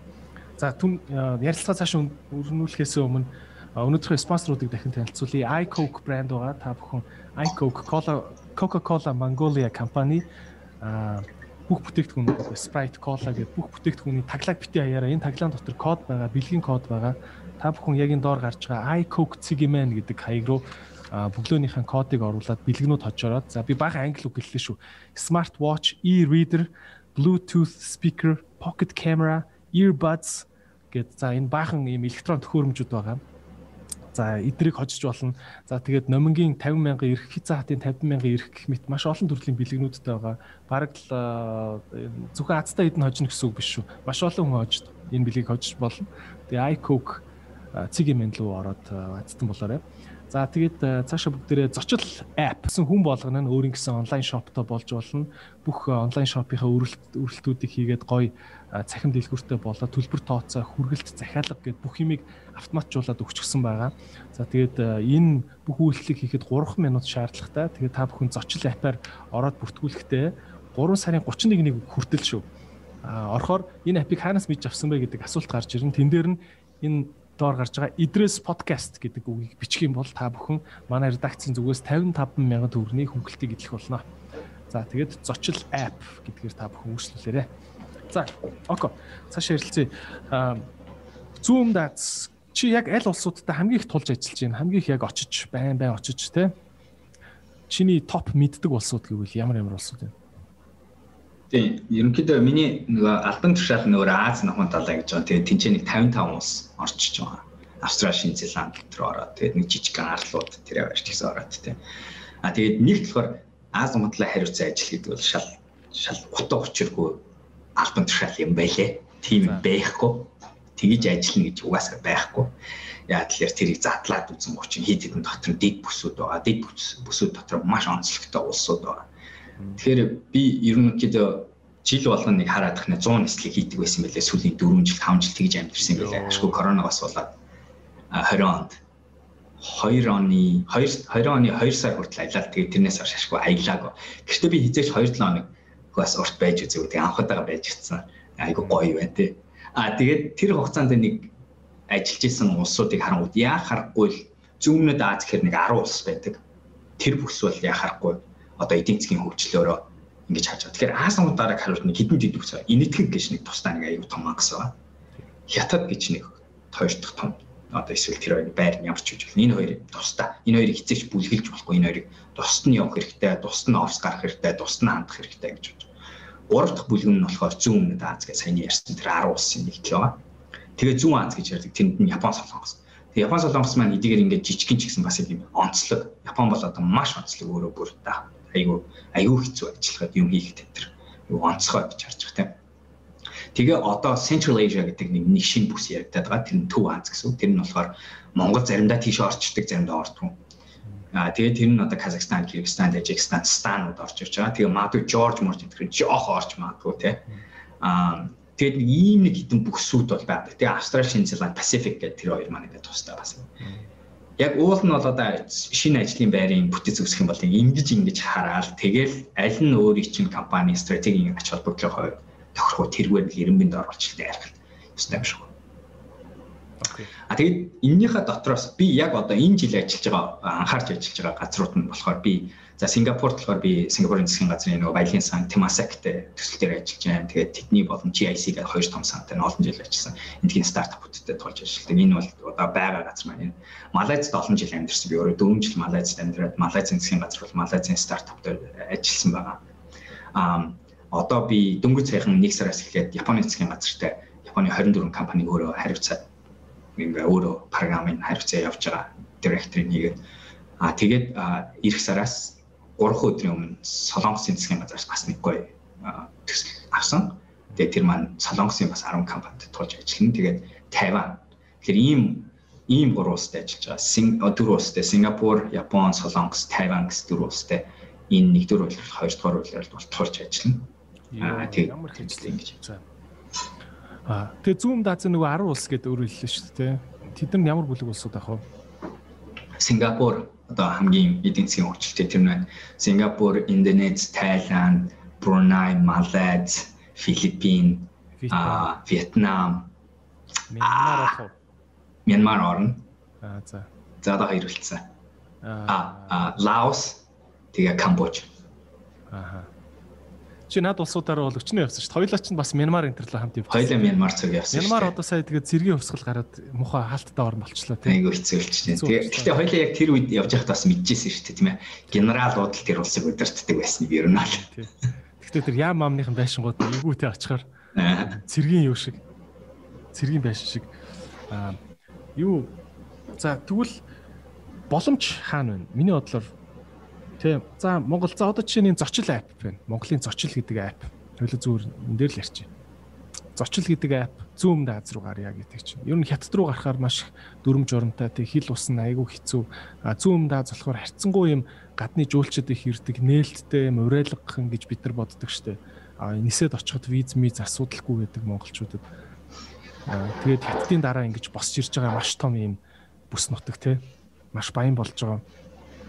За зочил ап. Чи ямар ямар орн руу танах ер нь гарсан дээртэй гэж хэлэх байсан бэ? Би сая энэ энэ асуултанд хариулахын өмнө нэг юм яс хэлчихв. Тэрний юу вэ гэхээр энийг өмнө нь манай ах нар бас хүмүүс ер нь хэлдэг байсан. Тэрний юу вэ гэхээр Монголын геополитикийн байдал тэгээ бидний байршлаас болоод бидний өмнө байгаа. Одоо хүмүүс танаас окей ямар бизнесийн боломж байна гэж. Нэг бизнесийн боломж бүр амар байгаа. Тэрний юу вэ гэхээр ямар нэгэн байдлаар Монголын ямар ч бизнесийг аваад хятад руу нэвтрүүлж чаддаг тийм бизнес одоо Монголд аюу хэрэгтэй аюу том боломж гэж харж байгаа. Ирэх зүүн орчин орчин хэцүү биш адилхан Бээжин, Хонконг, Шинжэн, Шанхай одоо өгшөөл нээлттэй болсон. Гарааны бизнесүүд орыг бол орж болно. Тэр өмнө нь тулгараад байгаа асуудал яг үннийг хэлэхэд Индонезтэй яг л адилхан, Австралитай яг л адилхан Хятадаас битээ ай гэж байгаа юм биш үү? Хятадаас битээ. Айх айхгүй да. Бүхэд бус Warren Buffett хэлдгээр хүмүүс бүгдээр зогсож газар чи бид нар тэрлүүд тэмүүлэх хэрэгтэй. Тижээж боломж байна. Миний бодлоор монголчууд Төв Аз болон Хятад руу тоглолт хийх үнэн гой боломж байгаа. Тэгээ бид нар энийг хийж үсгэл юм ба. Амархан биш л дээ мэдээч хэрэг ойлгомжтой. Гэхдээ бид нар учрыг нь олж чадна гэж байна. Учрыг нь олсон хүмүүс байгаа угаасаа Монголд. Гэхдээ тэрийг өнөөдөр систем болгоод тэрийг үйлчлэгээ болгож чаддаг болох юм бол өнөөдөр яаж Казахстан өөрийгөө Орос руу орох гүүр болгож тавьсан олон улсад яг тэр тэр тоглолтыг бид нар ч гэсэн хийж болох боломж. Ялангуяа гарааны бизнесүүд. Айгуу ондоо юу айгуу ондоо, айгуу онцгой юу онцгой. Гэтэ хийж болохгүй хийж болно. Зүгээр нэг зүгээр нэг Монгол бизнесүүдэл хятадрын зах зээл рүү гаргаад байх биш. Бид нартай уулзаа, бид нар чамайг хятад руу гаргаад өгнө гэдэг бүр Азийн бүх бизнесүүдийг үйлчлдэг тийм бизнес байх болох юм тий. Тэгээ тэр нөгөө юу хятад болон хятадаас гадуурх тэр соёлыг хооронд нь холбож өгдөг, орчуулж өгдөг, бизнес акимын гаргаж өгдөг те. А тийм тийм бизнес угаасаа улс орнуудад байдаг, гадны улсууд тэрийг хийдэг. Бид нарт миний зүгээр дандаа нэг боддсон тийм би даан чин дээр өстө үнэхээр мэдлэггүй би илүү ийшээ явчихсан хүн болохоор би илүү Америк давгаалцсан хүн болохоор би Америк руу тэрийг хийж байгаа хүмүүс рүү те гадны улсууд руу. Танай компани одоо Techstars компани чинь хятадтай холбогддог офсууд нь хаана хаана байд юм бэ яц тийм? Хятад миний одоо бүс нутагт ордог л да тий. Гэхдээ одоо чинь бид нэр одоо өнгөрсөн жил чинь бид нэр стратегийн групп гаргаад хятад руу чиглэсэн айгүй болон тусгай групп, ажлын групп гаргаж ажиллаж байгаа. Тэгээ бид нар нэг хамтарсан хөрөнгө оруулалт үүсгэх гээд ажиллаад байгаа. Тэгжээж бид нар тэгэхээр энэ амархан биш энэ тусгай стратеги хэрэгтэй, тусгай анхаарал хэрэгтэй. Аа тэгээд яах гээд байгаа. Тэгээ бидний нэг ойлгосон юм нь бусад группийн хэмжээнд байж болохгүй. Энэ нэвтрэлд бид нар бас тэгсэн JV үүсгэсэн, joint venture үүсгэсэн. Яа тэгэхээр энэ бас яг л өөрөө би даасан Тэгээ тэрэн дээр тэр JV үүсгэлтийн ажил дээр би бол өөрөө оролцож ажилласан. Тэгээ бид нэр офис нээсэн байна. Тэгээд а хятадыг арай нэгээг байгаа. Аа за. Тэгэхээр нь хятадын бизнес руу гарна гэхээр за одоо дахиад ярил л зочил апа ярих тэгэхээр ярил. Хятадын бизнес руу гарах хэрэг Шанхай явах юм уу, Шинжээ явах юм уу, Бээжин явах юм уу бас мэдтгүү шүү дээ. Хаашаа нь явал зүгээр юм. А ер нь бол зүгээр одоо одоо чинь юу зочлын хувьд бол хятад бол үнэхээр жоохон бас нэг стратеги жоохон хэцүү байх зоччин чи болохоор таваа гэж сая өөрөө бүр хэлчихлээ шүү дээ тий. Бүр хятадын хамгийн том доо. Тий. А зүгээр өөр санаа байлаа гэж бодонгод одоо бид нар одоо чинь юу харсан бэ гэхээр Шанхай Бээжин хоёрын нэг нь бид нарт хамгийн зөв одоо нөгөө буултын runway юм байна гэж ойлгосон юм. Шанхай Бээжин. Шанхай юм уу Бээжин. А бүр тэрэн дотроо бид нар том корпорацууд болон төртөө ажиллах гэсэн ойрцсон юм хийх гэсэн бол Бээжин рүү орох хэрэгтэй байна гэж харж ирсэн бид нар тэгээ Бээжин рүү нэх юм гарчсан. А олон одоо чинь манай одоо чинь нэг юу Америкаас ирсэн нэг гарааны бизнес маань хятад руу ортоо шинжээр дамжуулж орж байгаа. А яагаад вэ гэвэл үйлдвэрлэл зөв илүү давмгалсан. Factory-тэй тулж ажиллах гэдэг гэсэн байгаа болохоор шинжээр дамжиж орсон юм байна. Тэгэхээр уус бол. Гэхдээ энэ зөвхөн хятадын ослог биш шүү дээ. Бид нэр Индонез руу орох нь Жакарта юу тийм ээ өөр одоо хаанах вэ? Сурабай юу аль нь адилхан. Аль нь өнөөдөр бидний хамгийн зөв буултын газар. Тэгэлэр анх буух цэг чинь нэг ондоо бууцсан хойноо шилжиж өргөчих чинь шал ондоо бас нэг юм. Тийм ээ. Ойлголоо. За тэгвэл зүүн дааз маш их сонирхол татдаг хүн болгон л хоо энэ Вьетнамууд чинь бүр амар болчихж гээл те. Вьетнам 86 сая хүнтэй байсан. Одоо 92 сая хүнтэй ч гэлөө. Хүн ам нь ямар ордож өсдیں те. Байн Малаз ч угаасаа л битүү нефт газ амар баяр юм шүү те. Тэгээд ингэ зүүн даацд мангар их ингээд энэ зах зээлийн том боломж байгаа юм шиг. Манай ленд Lend Demand гэдэг те мөнгө зээлдэг аппликейшн бас Филиппин энэ төр рүү гарах гэж үзсэн бас нэлээд бас асуудалтай байсан юм шиг үлээ. Тэгэд миний бодлоор зүүн зүүн дааз руу манай монголчууд очиод бизнес хийцгээе гэх юм бол аль аль улсуудыг чи за ийшээ ийшээ ер нь явсан үлзээтэй шүү гэж хэлэх вэ? амьдралаа жоохон амархан байлгыг гэвэл Хонконг, Сингапур хоёр бол бүр өстой дэлхийн айгүй гой софтлендийн цэгүүд болцсон. Виз, бүртгэл, татвар, татварын хөнгөлөлт очиж ярихад англи хэлний шаардлага те хүмүүсийн ойлгох нээлттэй байдал энэ энэ хоёр бол угаасаа яг төвд хаабод болчихсон. Тэгэхээр Сингапурт бүртгэл одоо бид нар хүртэл старт компанийнхаа гадны офс энд нээсэн Ant Global буюу Lendman-ийн одоо дээдлийн компани чинь энэ бүртгэлтэй i хотелыг энд бүртгэсэн, эрхсийг бас энд бүртгэсэн энэ төргээд Монголын компаниуд одоо ийш ярьж бүртгэгдээд байгаа. Ер нь бол Сингапурт суурьтай. Яг тэр төрөч хэлдгээр энэ ч маш хамгийн тодорхой амархан. А тэгээ бас гэрээ зурх үед яасан гинэ? Банкны данс масаа нэхэд илүү амар байна тий. Хамаагүй амархан. Тэгээ гэрээ зурх үед олон улсын хүмүүс Сингапурын хуульд найддаг. Тэр нь аюулж хол. Хөрөнгө оруулагчаас мөнгө авах үед Сингапурын хуулиар нөгөө диспьютэ гаргана гэдэг тэр клоз ороод ирэнгүүт хүмүүс хүлээж авдаг. Америкууд ч гэсэн Сингапурын хуульд ажиллахад бил. Японы хуулинд аягүй дуртай, Сингапурын хуулинд дуртай, Хонконгийн хуулинд дуртай. Индонезийнх нэг тийм биш, Малайзийнх арай биш тийм ээ. Энэ Вьетнамынх арай биш. Тэгэхээр амарх амьдралаа амархан байлгыг гэвэл энэ энэ төвүүдээр дайрах нь бол яхахгүй зүг. А гэхдээ одоо хэдлээ зочлыг авъя л да тийм ээ. Зочил одоо чинь яг чи болохоор Taobao гэлж би болохоор Shopify гэж хэлж байгаа тийм яг л одоо Америкийн ижлэг нь бол Shopify одоо хамгийн өндөр өсөлттэй явж байгаа компаниудын нэг. Ерөөсөө л commerce-ыг бит ертөнцөөс дижитал болгож хувирч байгаа.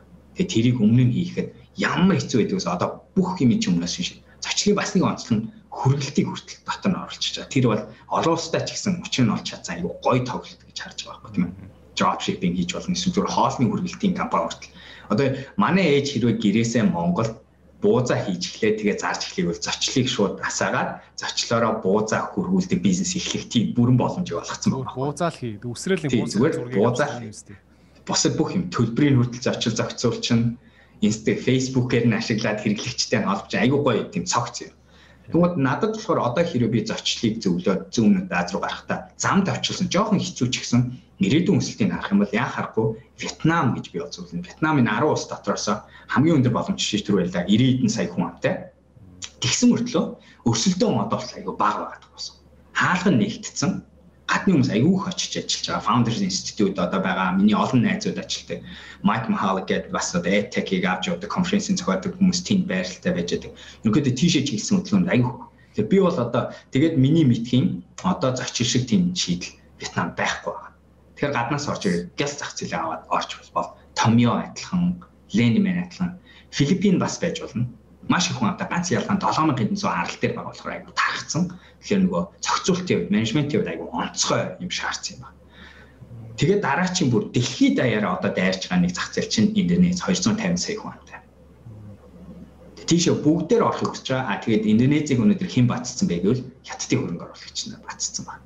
Тэгээд тэрнээсээ болоод мөнгөө даваад хятадын бизнесүүд одоо аяа чинь Alibaba Pay тийм ээ Alipay энэ чинь Индонез руу төрүүлээд орсон байна тийм. Индонез чи хоёр том харалтай байдаг л юу лээ? Аа бас дахиад хэд хэдэн. Өчнө харалтай тийм. Аа юу Индонез руу өстэй явж байгаагүй юм байна. Их л гайхамшигтай л үлгэрийн л газар гэж сонсч байсан. Филиппинээр л дамжуулж төсөөлөд идэв шүү дээ. Тэгэхээр бас айгүй өөр онцгой соёлтой юм шиг үлээ тийм Индонез. Индонез онцлог нэрээ жоохон танилцуулаач. Bahasa Muslim те на муслим ус Bahasa хэлээр ярина. Тэгэхээр англи хэлний төвшин бас их тийм биш Гэтэ харахгүй Филиппин шиг нөгөө хүн амайгууд нягтаршил өндөртэй арлын улс те. А тэгээд нэг юм гэхдээ Индонезчууд тэр яг нягтаршлаасаа болоод юмны хөгжилтэй хурдан бүр шалгондоо юм байна. Индонез бид нэр ингээд стартапын экосистемийг хөгжүүлээ ярьж байгаа дандаа доогор байдаг гэсэн. Болоог байсан.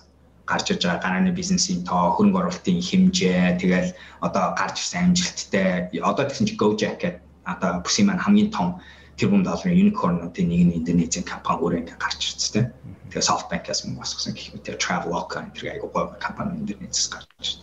Тэгэнгუთ ингэж байж байж байгаа гинт 2 3 жилийн турш би яг бүр тэнд байсан те бид нэр яг тэрч явж байгаа чинь Индонез гэж бид нэр ерөөсө тоож ярьдаг байсан. А ирээдүйд юм болно доо гэж Мянмар шиг адилхан ярьдаг байсан юм. Бум 2 3 жилийн дотор гинт гарч ирээд бүгднгийнх нь нүдэд анаал нэг шахсан газар болж хөрсөн. Яа. Сүлээд. Gojek ч юм бол алж штэ тий. Gojek-ийг би юутай андуураад идэв юм а тэр Малайзийн нөгөө бас нэг ногоон Grab. Тий Grab-тай андуураад идэв юм а. Сингапур их. Сингапур Grab уул нь Малайз гаралтай. Гэхдээ Сингапурын засгийн газар айгүй гоё хөнгөлтийн нөгөөд Сингапур компани болгоцсон. Аа Гэхдээ юу юм уу? Чи ингэж хэлээд байна шүү. Сингапурт ирж компани байгууллаа гэж байна. Гэхдээ яг Сингапур гэдэг чинь бол өөрөө нэг юм зараад ахаар олон хүнтэй тийм том зах зээл биш үстэй ер нь жижигхэн хотл үстэй тий. Тэгэхээр чин Сингапур зүгээр компани байгуулах, банкны дансаа нээх, тэнд гэрээ хилцлүүдээ Сингапурын хуулийн дор зурх. Энүүгээр л давуу талтай гэхээс яг бүтээгдэхүүн гараад мөнгө олно гэдэг нь бол зүүн Азийн бусад өөр орнуудаас одоо яг жинхэнэ мөнгөө очиж саварна гэсэн үг шүү дээ нэг зүгээр тэгтээ яг нь ерөнхий санаа нь бол зөвлөлтөө яагаад тэгэхээр бусад энэ нөгөө 9 улстайгаа харьцуулбал хүн амын тоон хамаагүй даваа л та. Тий 5.1 сая хүн 3.5 мөнгөсөн хүмүүс дээрс нь наа чи гаднаас ирж амьдарч байгаа 1 сая хэдэн зуун мянган хүмүүс бас байдаг.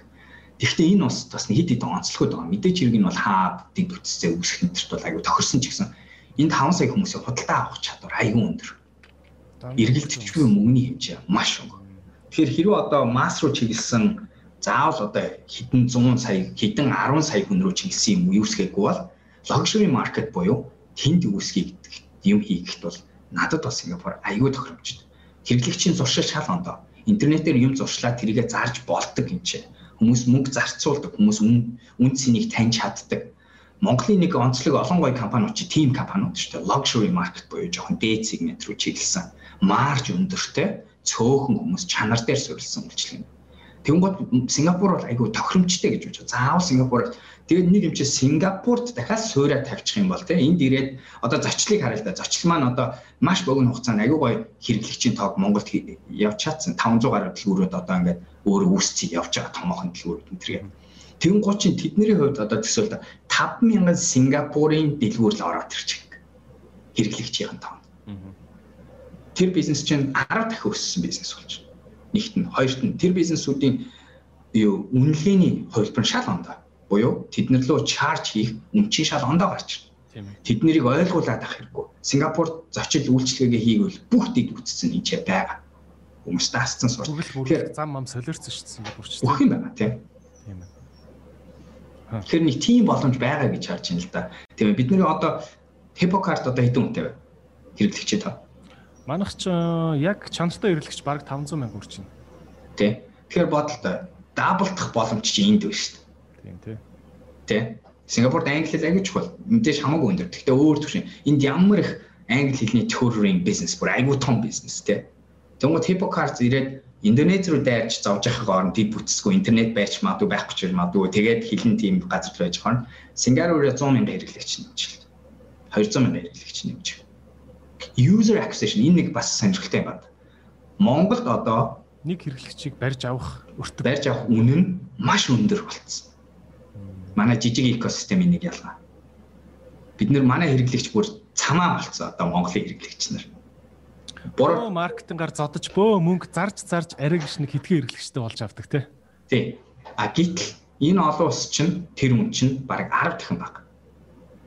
Яг тэгэхээр хэрэглэгч нарын илүү тийм сониуч э, технологид маш их сайн гаргуун болцсон хүмүүс болохоор тий чихэнд нь үргэцэн байхад л танай апыг бол ухуул ухчих гэж шүү дээ. Зуршлан тогтцсон. Дижитал амьдралд дасцсан. Мөнгөө тийшээ зарцуулаад мэдцэн. Өөрсдөө амьдралаа хялбаржуулах хайгуулыг өөрсдөө хийдэг хүмүүс. Манайх чинь жоохон хоцорсон гэдэг утгаараа бид нар боловсруулах хайгуур. Маркетингийн хамаг зардал нь Монголд хэрэглэгч авч байгаа зардал нь хэрэглэгчийг боловсруулах дээр зарцуулаад байгаа штэ. Энэ юм чи танд хэрэгтэй амьдралыг чи амархан болгоно гэдэгт бид нар агиох мөнгө зарцуулаад байгаа гэх тийм. Нөгөөдгөл нь болохоор надаа юу хэрэгтэй гэдгээ мэдсэн зөвөр гарч ирвэл авахд бэлэн хүмүүс суугаад байна шүү дээ тий. Яа. Тийм ээ.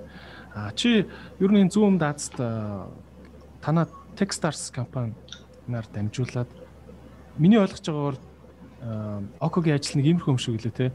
Улс улстай нийлээд одоо хөтөлбөр боловсруулад тэгээд нэг 20 ч юм уу 30 ч юм уу компанийг ингээд зэрэг хөгжүүлээд тэгээд улсынх нь мөнгийг зөв тэр компаниуд руу зөв цотгож өгөөд зөв ингээд тасгалжуулаад тэр компаниудыг ингээд улстай эрхтэй компани болгоод гаргадаг ийм хөтөлбөрийг авч өгдөг гэж ойлгосон зөв нэг нэг хөтөлбөр нь тийм.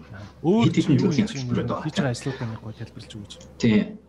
За эхлээд болохоор яг тийм туулж тодорхой гарааны бизнесүүдтэй туулж ажилладаг ажил бол яг саяны чинь тайлбарсан мөн л доо тийм.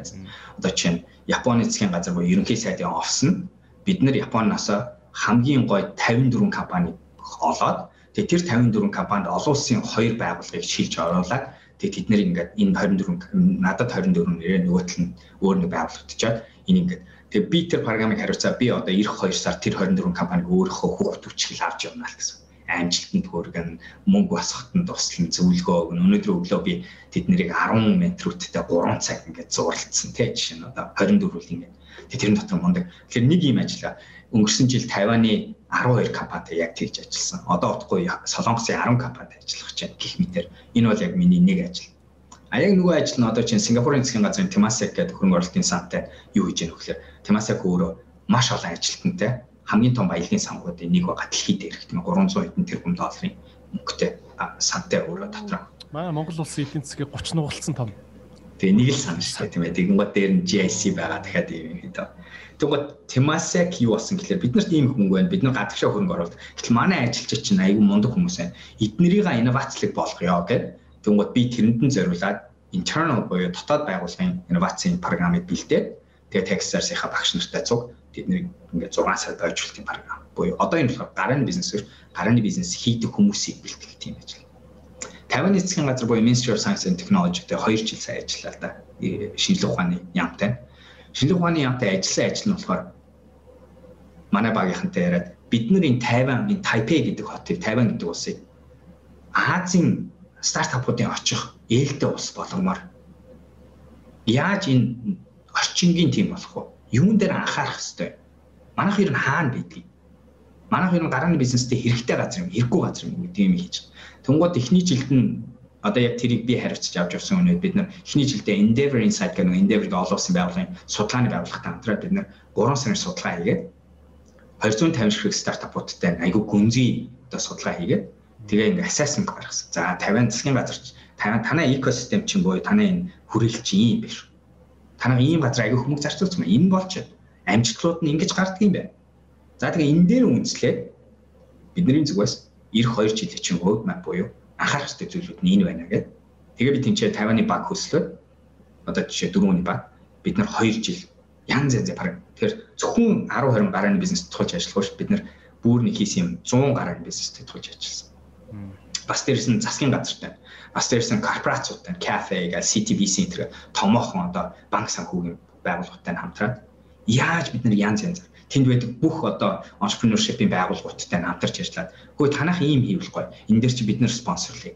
Энэ дээр чи танах энийг ингэж хэдүүлээ энэ чи одоо ерөөсө айгүй том улсын хэмжээний advisory board үүсгэх хэрэгтэй байна гэдэг.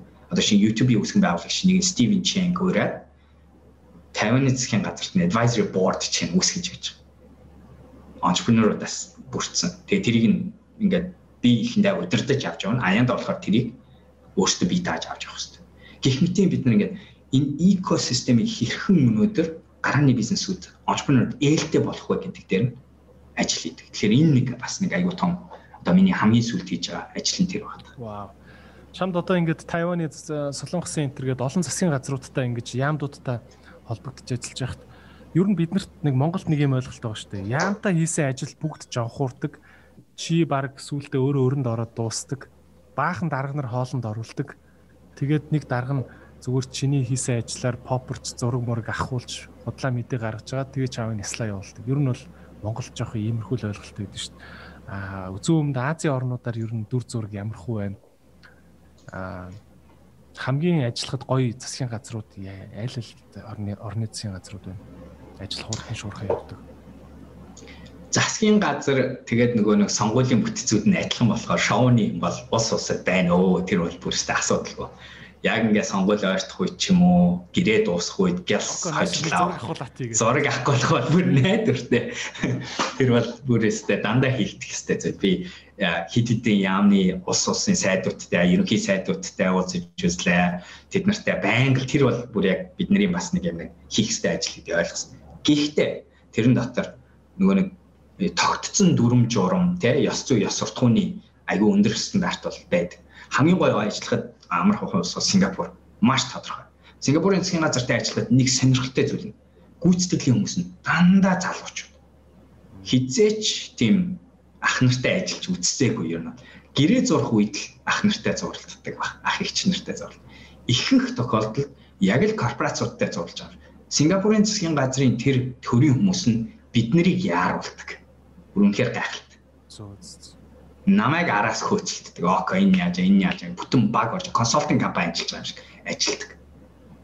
JTC гэж айгуу том байгууллага байж болно, баялагын сан байж болно, тийм ээ, GovTech-ийнх нь байж болно. Би одоо хит хитэн байгууллагын хүмүүстэй ажилласан. Сингапурын засгийн газар бол үнэхээр онцгой, үнэхээр мундаг бүтээц. Гайх гайхаар сурч болохоор юм зөндөө байгаа. А тэрний араас болохоор Тайван маш амархан бас адилхан. Ер нь их жоохон өндөр стандарттай айгуу амархан. RFP буюу тендер шиг юмар оролцох бүр байнгын бүр заавал оролцсон тэгээ бүр тэрний бүтцүүд хийгдэн. Тэгэхээр би дизайн гаргана, тэрийг оруулна, тэрийг хамгаалж илтгэлээ тавина. Гэрэн дээрээ тэгтээ нэг гоё юм чи би чинь олон улсын байгууллагын хүн болохоор надад хуульчтан гоо чи Америкаас 3 4 хуульчт миний бүх юмыг хариуцаар ажиллаж байгаа цуг. Монгод яг тэр үеин дээр очиод манай байгууллагаас өөр өөр хүмүүс орж ирээ. Тэгэл бүхэл юм яаж явагдах хэвээр тэгэл явагдана. Тэгэл гэрэн дээр хамгийн зурагдаал би өөрөө SOW-г scope of work энд ийм хийхстэй ийм хэмжингээ хамгийн юм тодорхойлох юм бол миний санаа зовх юм ерөөсөө тэргээл хийх асуудал байна. Тэгэл тэр нь хийгдэл тэгэл бол. Дараа нь элдвд нэг дарга орж ирснээр ийм юм хийгээдэх гэж юм байхгүй батлагдсан хийх ёстой ажлаа баталсан тэргээл хийнэ гэсэн үг юм шүү дээ. Тийм Малайзд бол хэцүү байсан. Би бас Малайзаас нэг нүүсэн шилтгаан чинь нөгөө алдарт Нажиб гэдэг ерөнхий сайдын засгийн газартай ажиллаж байсан. За тэр бол одоо өндөр ахвалтай батлагдчихсан аюу том засгийн газар байгаа шүү дээ. Тэгээ тэдний хувьд бол яг тийм асуудал бол маш их болдог байсан дарнар орж ингээд ийм хийсэн юм а жил болгон өөрчлөх гэж оролдоно. Надад бол бас хувийн одоо карьерийн хувьд бас хамгийн чаленжинд цагуудын нэг бас би 4 жилийн гэрээгээ жил болгон шинээр батлагдж байгаа юм шиг дайрах хэрэгтэй болдог гэсэн. Тэгээд ямар ч байсан гэрээгээ зурцуулахгүй 4 жил хийгээл авсан л да ямар ч байсан. Гэхдээ бол нэлээд өндөрлөлтэй. Аюу хөөрчлөлтэй. Мөнгө төгрөгөн дээр унждаг юмнууд байна уу? Засгийн газар. Тий. Аа байна. Малайз засгийн газар тэгдэг байсан. Тийм. Аа тэр байгаа нэг сонгуул болчоод энэ тэрний дараа гаргаа өгч юм тэр гэж мэгээлөө. Аа аа. Байна байна. Яг байна энэ тэр гэж мэгээлөө. Гэвэл. Аа. Ин чин эн чин манай өмнөх засгийн газрын тохирсон юм. Эднэр над бид нарт хэрэггүй. Эний чи хиймээргүй гэл тэгэл янз бүр. Бид нар одоо шин дарахтаа болцсон. Тэр маань зөвшөөрөхгүй гэлөө. За тэгвэл око чи ингэж штэ. Чи Тайваны завуучлаараа үзэгчтэй бай. Би бас нөгөө нэг амар ингээд сэтгүүлч шиг ингээд зочин таны энтер гэж ярьж чаддгүй шүү тэгээд око витер угаасаа л яг найз нар болохоор тэгээд чигээл ярьж байгаа шүү. Аа ямар муухай юм чи гэж яриа. Зочноо хүндлээд та гэж ярьчих болтго юм. Би одоо энэ бор нөхрийг харахаар та гэдэг нэг сонь сонь. Око витер ч нэр шар бороо хоёр болохоор амар контрастлж харагддаг байсан юм а тий.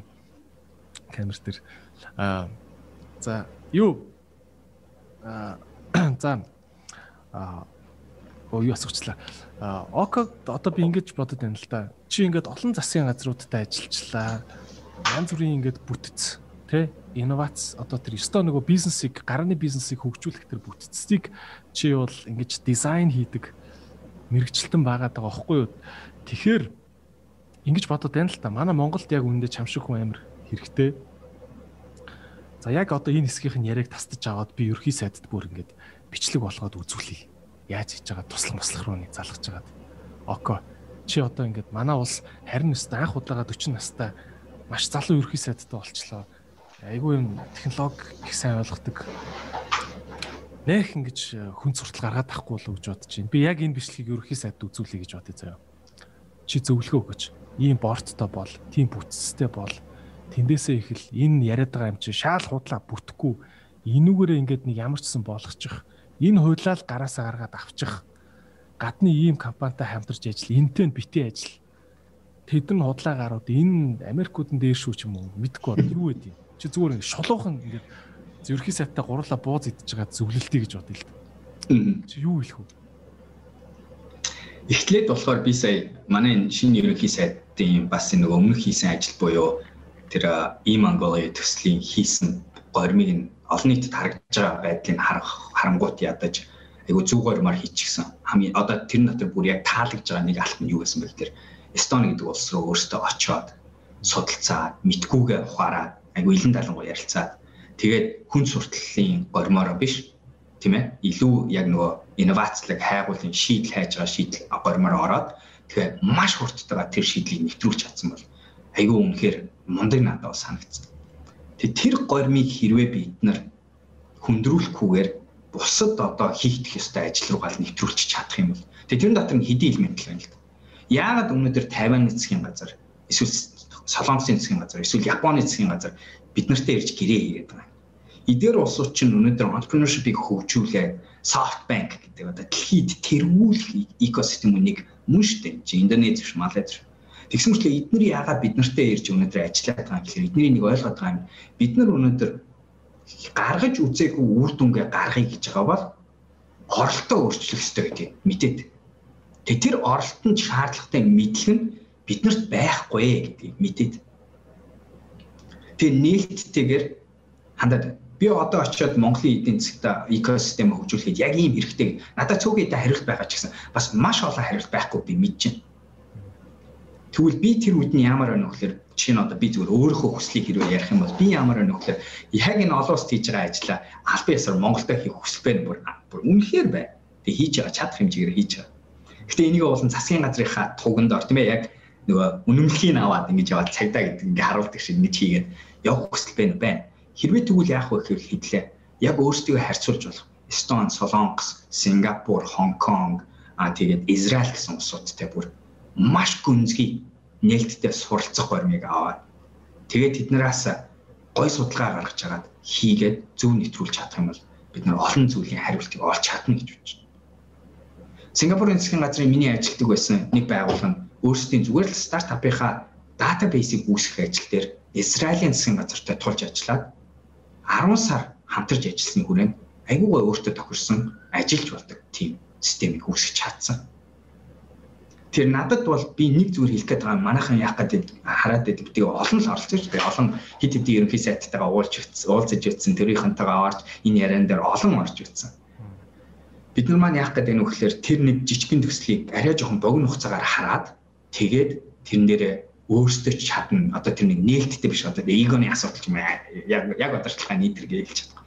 Тэг бид нэр тэгж дайраад идэг. Тэгээ бодит байдал нь юу гэхээр капитализм entrepreneurship дээр чинь бид нар залуу шүү дээ. Манайд тэр талаар 20 жил ажилласан мэрэгчлээ байхгүй шүү дээ. Одоо entrepreneurship-ээр дэлхий дээр менежментийн талаар ажилласан. Одоо наад шиг ийм ажил хийдэг хүн Монголд өөр байгаа юугүй би одоо байдаг гэж хэлж бол мэдгүй байна олоос. Гой олон улсын консалтинг компанид ажилласан мэрэгчлэтнүүдэд харах юм бол 10 хүрэхгүй цөөхөн хүмүүс байгаа.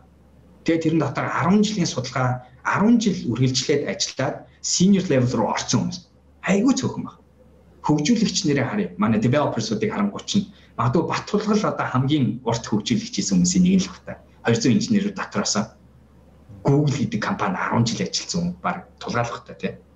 Гэх мэтээр бид нарт харамсалтай нь хоригдлуулсан дуршлаг болон мэдлэгийн нас нь угаасаа бага байгаа. Тэгвэл ийм байр суурьтай байгууллага ямар ус орон яах ёстой вэ гэхээр бид нарт тэгвэл энийг аюулгүй эвтэйгнэр хүлээн зөвшөөрөөд Тэгээ энийг зам тавьчлах ажлыг хийх хэрэгтэй л гэж бодож байна л да.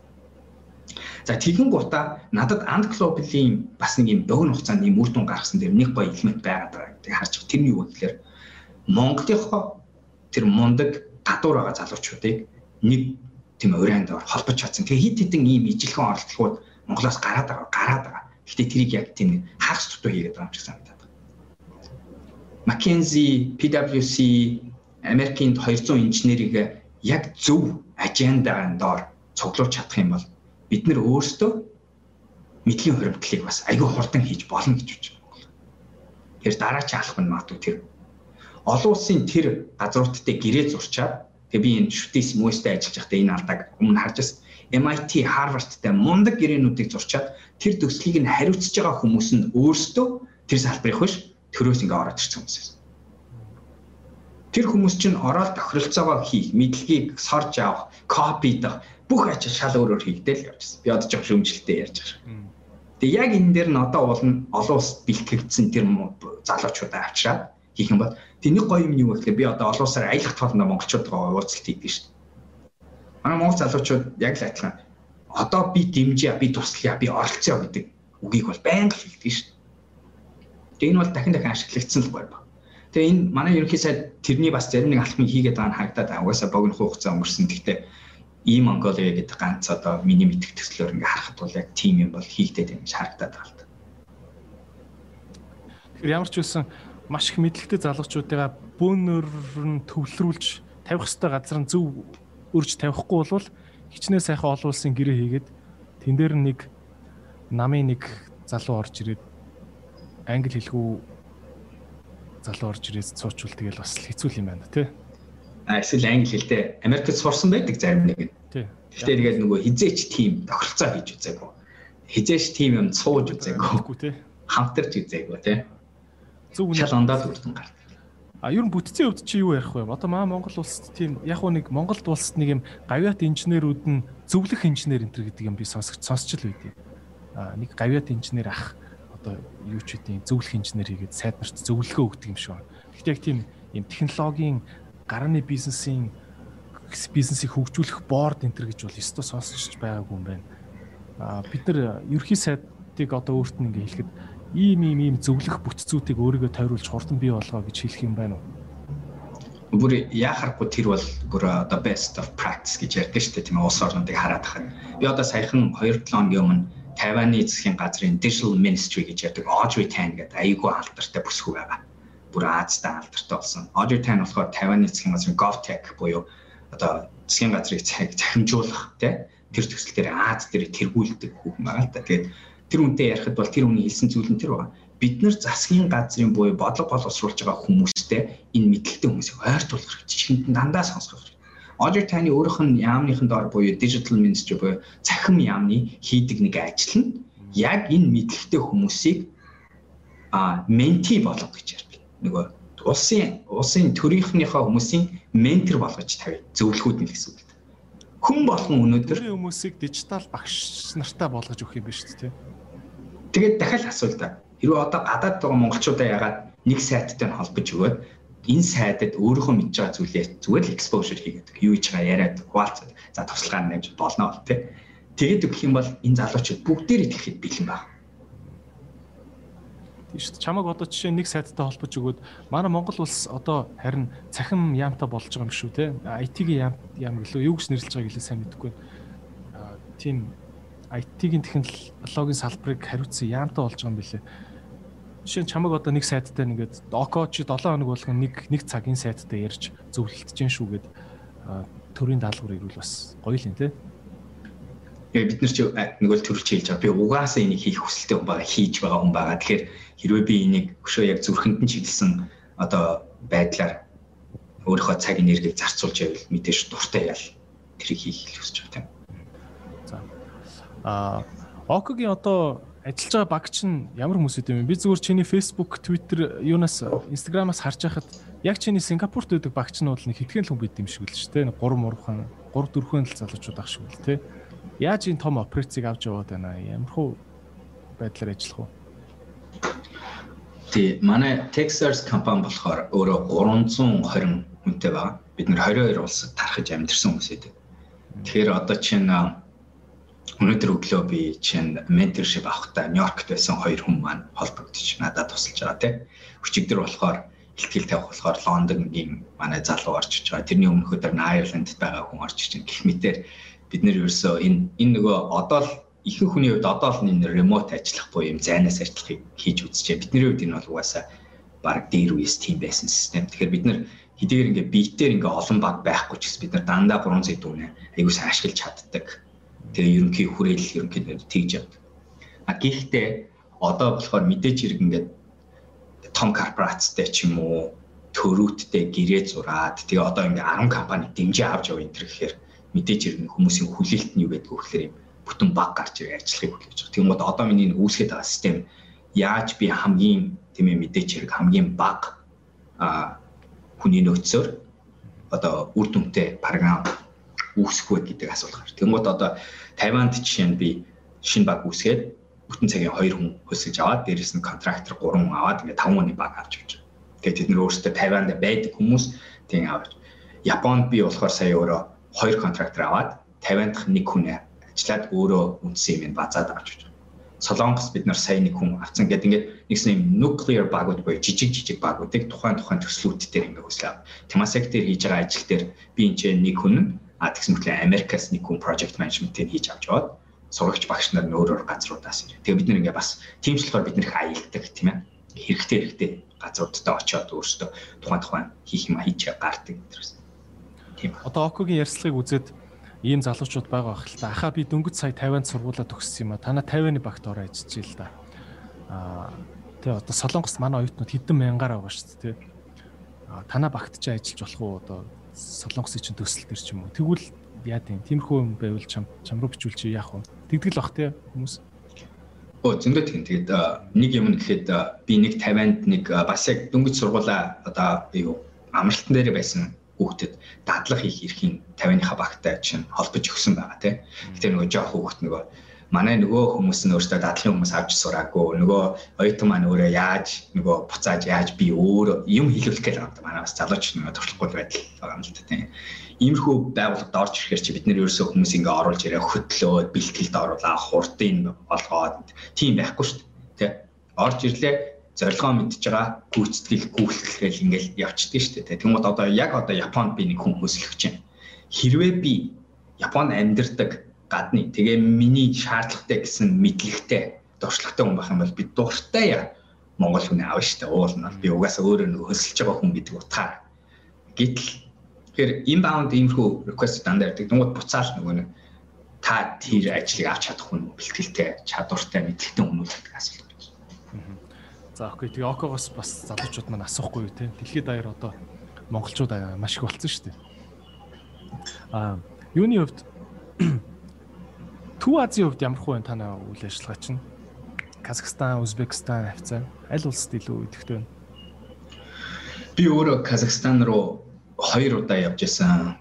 Казахстаны засгийн газартай AFC буюу Astana Innovation Financial Center-ыг айгуу гоё чөлөөт бүс байгуулах ажилд нь оролцоод тэгээд цуг одоо тухайд нь гэрээ зуралцаад ажиллаж исэн 3 жилийн өмнө дүмнэх засгийн газартай тэгээд тэр айгүй гой сонирхолтой төсөл болсон. Дэлхийн экспо болсон. Тэр байшинг аваад тэр чигээр бүр тусгай бие даасан хуулийн бүтцтэй болгоод тэр хуулийн бүтцэнд Лондонгийн хуулиар удирдагдчих авч өөрийн шүүгчтэй өөрийн хуультай бүтэц бүс болгож гаргаад тэгээд тэрийг өөрөө Төв Азийн болон дэлхийн финтекийн одоо төв болгож байгаа гэсэн үг. Тэгээ тийм ажил чинь хийсэн. Тэгээ тэрэн дээр нь би тухайд нь оролцоод засгийн газартай зөвлөлтөй бол ураны компани тоо компанитай ажиллаж байсан. А тэгэл яах аргагүй нэг юм ингээ хараад тах ингэж байгаа юм л та. Эдгээр ингээ 55 улс ингээ янгууд яг ирэмбэнд эдийн засаг юу экосистемийн хөгжлөөр ирэмбэнд байгаад байгаа. Тэгэхээр тэр ирэмбийн бидний нэг анхаардаг зүйл нь readiness буюу энэ энэ тухайн экосистем нь гадны буюу олон улсын яриа руу ороход хэр бэлэн бэ гэдгийг аюу харна. Одоо хэдийгээр ингээ юм хөгжөөд байгаа ч гэсэн тэд нар өнөөдөр өөрсдөө хийж үзээгүй. Юу зөв юу мэдэхгүй. Үн цэнийг ялгаж мэдэхгүй. Хаашаа анхаарах хэвээр стратеги нь тодорхой биш гэх тэр байх юм бол хичнээн би очсон ч гэсэн би бол тийч юм хийж чадахгүй шүү дээ тийм ээ. Тэгэхээр тухайд бид нар засгийн газартай тэгжсэн боловч юм хойшлсон. Одоо тэгтээ Казахстаны засгийн газар маш богино хугацаанд айгүйх гарч ирсэн. Кыргызстан дараачийн айгүй сонирхолтой ус байгаа яа тэр хөгжүүлэгч нэрээ хөгжүүлэгч нар боё developers одоо энэ программистуудаар маш чадварлаг программистуудтай хямдхан а тэгээд Төв Азийн баг ихэнх технологи нь босгож байгаа тийм үс. Тэр тэдгээр улсууд дотроос Кыргызстан, Казахстан хоёр илүү төрүүл тэргүүлж явж байгаа.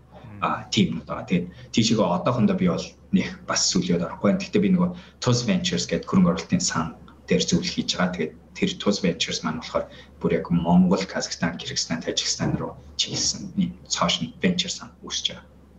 Тэр нь Сингапур залуучууд үүсгэж байгаа юу? Ханах ханахуд үүсгэж байна. Таван дөрвөн үндсэн үүсгэн байгуулж байгаа. Нэг нь болохоор Швейцарын залуу, за манай Монголд миний олон жилийн өмнө авчирч байсан Paul Bridgel нөгөөх нь байна. Одоо Алтарт 7 сан залуу байсан тий. Тэгээ 7 сан үсгсэн хүн байгаа. Uber-ийн анхны хөрөнгө оруулагч нарын нэг нь аа яг л одоо тэгээ VC хүн ямар байдгийг тэгээд маш их амжилттай мундаг одоо одоо манай баг тэр бохт болж байгаа гэж бодож байгаа юм хэлэгээр яа тэгэхээр маш томоохон юникорнууд байсан угаасаа. Аа тэгээд дээрэс нь Бразилийн нэг залуу тэгээд би байгаа. Бид дөрөв бол наад руу гисэн байгуулж байгаа. Яг юм.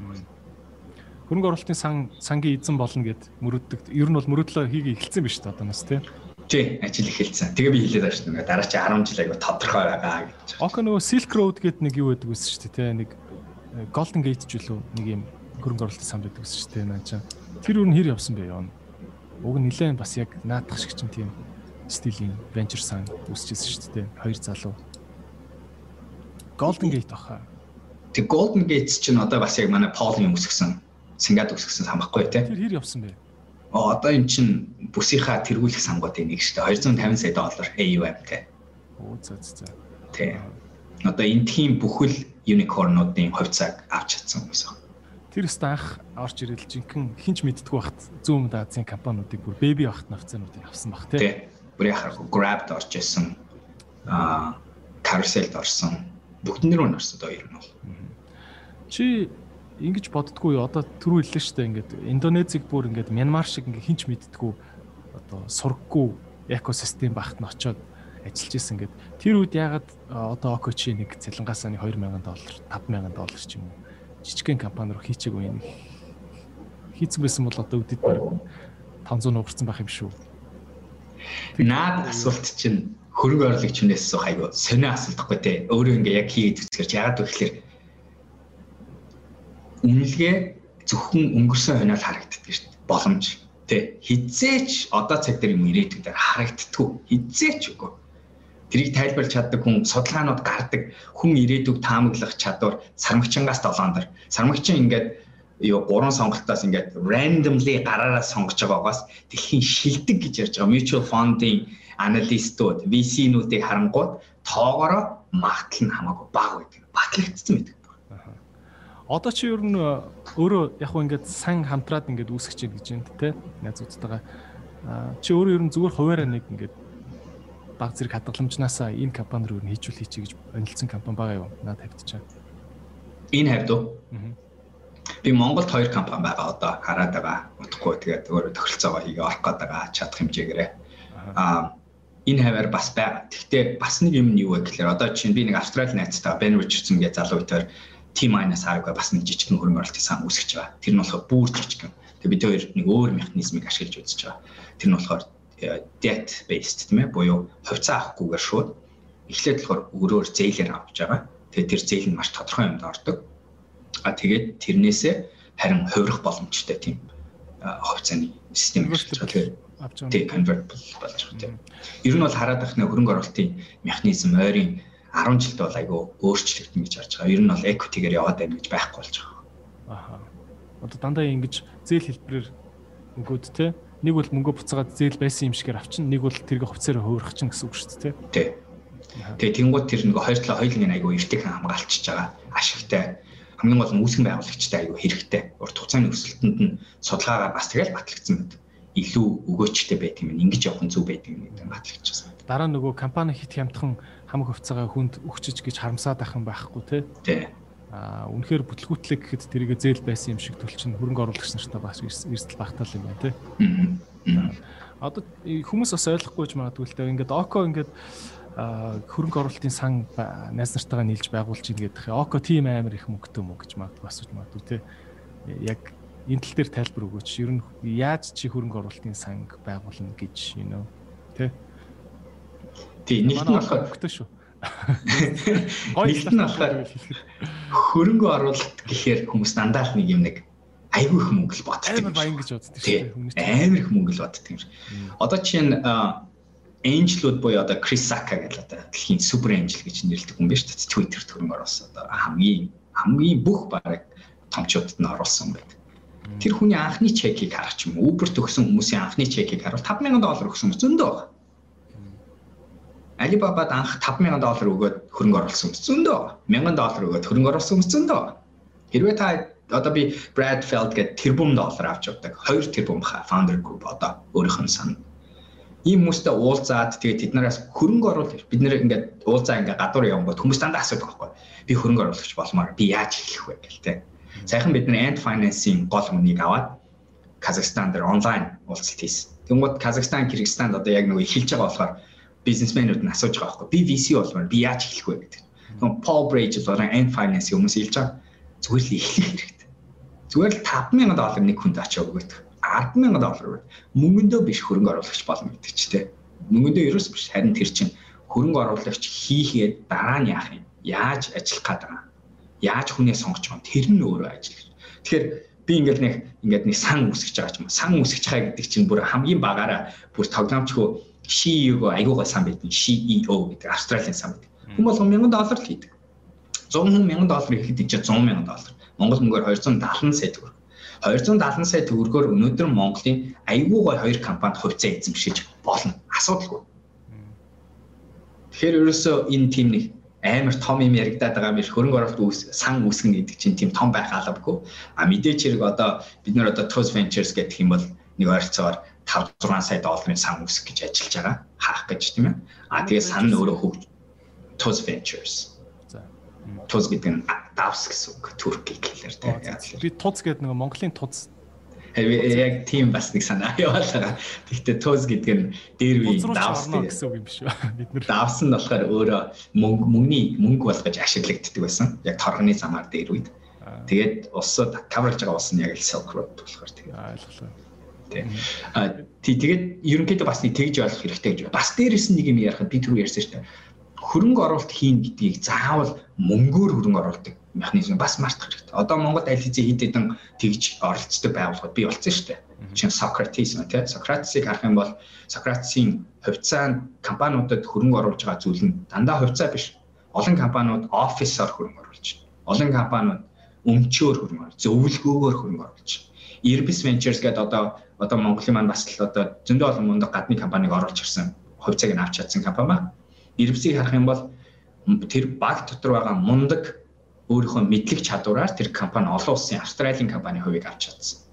Тийм ээ, Таиландын компани хувийг авч чадсан. Тэгэхээр энэ хөрөнгө оруулалт гэдэг чинь бас тийм ийм шиг ерөнхийдөө яа тэр мөнгөөр ер нь явж явж яах гэдэг тэр компаниуд чинь буцаад энэ үйлчлэгээ явах гал буцаад бизнесээ өргөжүүлдэг буцаад хэрэг төрөслүүл оруулах шүү дээ. Тийм, ер нь бол тэгж штэ ихэнх нь бол тийм ялангуяа.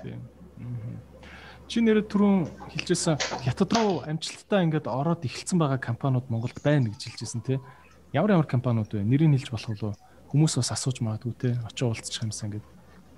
Би яг яг бас нэг энэ тэрэг том компаниудыг одоо бол хэлж мэдгүй байна. Гэхдээ би чинь одоо манай хэн бол хулан бол дистрибьюшн хийгээ эхэлсэн тийм ээ. Ламуур тодорхой хэмжээгээр зарим зарим тий. Яг ингээд нэг юм дахиад юм дистрибьюшн байдлаар амжилттай ингээд партнершип үүсгээд явцсан хүмүүс байгаа гэдгийг бол би ингээд байнга харддаг л та. Тэгээд тэгэгдэх тоолондоо тэмдэглээ авчих. Окей. Эднэр ямар ч гэсэн нэвтэрч чадсан байна. Бараг өнөдөр оруулж борлуулалт өсч чадсан өсч чадаагүй сонь биш. Тэн дараач алтна тий. Гэх мэтэр. Аа тэгээд одоо уламжлалт бизнес дээр орсон хүмүүсийг би бас мэднэ. Одоо илүү уламжлалт бизнесийн хөрөнгө оруулалтаар орсон хүмүүс байна. Эсвэл нөгөө оронгуудаа үйлчлэгээгээ тийш нэвтрүүлж чадсан хүмүүс энэ төргээд нарантуулын нарантуулын сайхан самбуу захирал ярьжсэн нилээд жилийн өмнө бөө өдөр чи амар олон жилийн өмнө 5 6 жилийн өмнө ярилцчихсан юм. Тэгэхэд л хэлжсэн хятадд шилний үйлдвэр барьж исэн гэд. Гэхдээ тэр нь яг хуу жоохон бүтлгүй болсон л гэж хэлээ. Харин яг тийм юмнууд бол бас зөндөө сонсчихсон тийм. Тий. Окей. А юуны хувьд за тэгвэл нэг ийм хүн байж болно шүү дээ. Око за найс нь ингээд амар олон ингээд стартапуудыг судлаад ямар компани яах вэ гээл ингээд бага уулзалтууд тэгээд ингэж болж чадахгүй. Би одоо нэг хаан банкнд ажиллах юм аа. Надаа нэг 30 сая төгрөний хадгаламж байна. Би энийг нэг юм зүгээр нэг юу болгочихсон машин болгож болгочихсанаас би энийг ямар нэг око чамтаа нийлээд би хөрөнгө оруулъя л та. Гэт 30 сая төгрөгтөө гурван залуу чам дээр хүрээд ирвэл яах вэ? ийм байдаг л та эрдэлтэй те. Тэгээд тэгэнгუут нэг бодох хэвээр зүйл чинь. Яасан ч гэсэн хамт орё л тоо гэд ингээд. Хамт багтах уу 30 сая нь. Үгүй ерөөсө багтахгүй яа тэгэхээр тэр чинь өнөөдөр одоо чинь би зүгээр өнөөдөр хэлгээд би зүгээр нэг тоо зүгээр хэлээд энэ яг яг яг бодит тоо биш ба. Гэхдээ өнөөдөр шүү дээ 200 сая төгрөг байх юм бол Монголын баг нэлээд хитэн гайгүй орлоготой болцсон байгаа компаниудын технологийн стартапуудаас нэг ойролцоогоор 20% тэй тэнцвүүц хувь бол авах боломж бол байгаа. Үнэлгээг нь тий. За гадныхыг амар шүү дээ. За Монгол монголчууд маань яг ингэ болог. Гадны компани хувьцаа авъя л та гэдэг хүн биш. А энэжлэр одоо эрт орё гэх юм бол одоо чинь би одоо Японы 24 компанитай ярьж байна тийм ээ. Тэд нар бол дандаа борлуулалт руу орсон компаниуд, дандаа патенттай компаниуд. Эдгээр компаниудын босгож байгаа үнийн хэмжээнд би одоо нэг өөрөө хариуцж болохыг нэг мэдчихээн л та. Тэр нэг үгээр 500 мянган доллароос нэг ойрцоогоор 4 сая хүртэл хийг босгох гээд ажиллаж байгаа. За энэ болохоор би сая хэллээ шүү дээ. Борлуулалттай, зарим нь ашигтай, их сургуулийн судалгаан дээр үндэслэн айгүй өндөр патенттай мундаг компани бүрсэн амар компани. Өнгөрсөн жилийн 50-ны компаниуд дотор 100 мянгаар хувьцаа авч болох компани зөндөө байсан. Ирвэстээр бид нэр ажиллаад ирвсийг бид нэр тэмцээн зохиогоод тэгээд олон улсаас авахд бид нэр 20 сая доллараар хувьцаа авчихсан. Олон улсын компаниуд. Тэр энэ нэг үнэлгээнүүд нь тэр 20 сая долларын компаниуд дотор зарим нэг нь борлуулалттай компаниуд байсан. Борлуулалт нэхэлсэн гэдэг чинь ер нь дампуурах магадлал нь хамаагүй бага болсон гэсэн үг шүү дээ. Cash flow-тэй болоо эхэлсэн, таамаглал нь батлагдсан, тийм. Тэр технологийн хүн ямар ч байсан мөнгөөр сольж гин гэсэн үг шүү дээ. А тийм Монголын Irvis Ventures гэдэг компани юм уу, тийм хөрөнгө оруулалтын сан юм уу те. Тэд нар одоо тэгээд зүүн даацын компаниудаас ингээ 20 20 мянган доллараар хувьцааг нь авч яваад болоод байгаа юм те. Яг бүтэн пакэж дотор 20 мянга орж байгаа. Тэгээд нэмэх нь нөгөө төвч хэлж байгаа нэмэлт үйлчлэгээнүүдийг тэгээд одоо чинь Socrates гэдэг манай Монголдоо хийж байгаа тэр компани яг адилхан зүйл хийж байгаа. За хүмүүсээ тэгвэл энэ компаниудыг судлаад үзээрэй те. Яг яг ийм найз нар бас олон байдаг л та. Одоо мань ч одоо ингээд Rolex-ийн цаг аваад хадгалах хэвээр мүү би бол ингээд ах нар шиг амар юм 200 авч унах нь одоо хайшин. Гэхдээ би бол одоо ингээд прүсээ унахад бол happy. Гэхдээ надад нэг 50 сая төгрөгийн хадгаламж байна ч гэдэг юм те. Энийг юу л оруулахаас мэдхгүй байна. Гэхдээ нэг гоё юм хиймээр байна те. Кафе юм хиймээр байна. Одоо ఇలా хувийн санхүүгийн юм ярих гэдэг шүү дээ. Бараг зөвлөгөө. Одоо зүгээр тийм залуучууд байгаа байхгүй. Тий. 50 сая төгрөгийн хадгаламжтай залууч зөндөө байгаа байхгүй.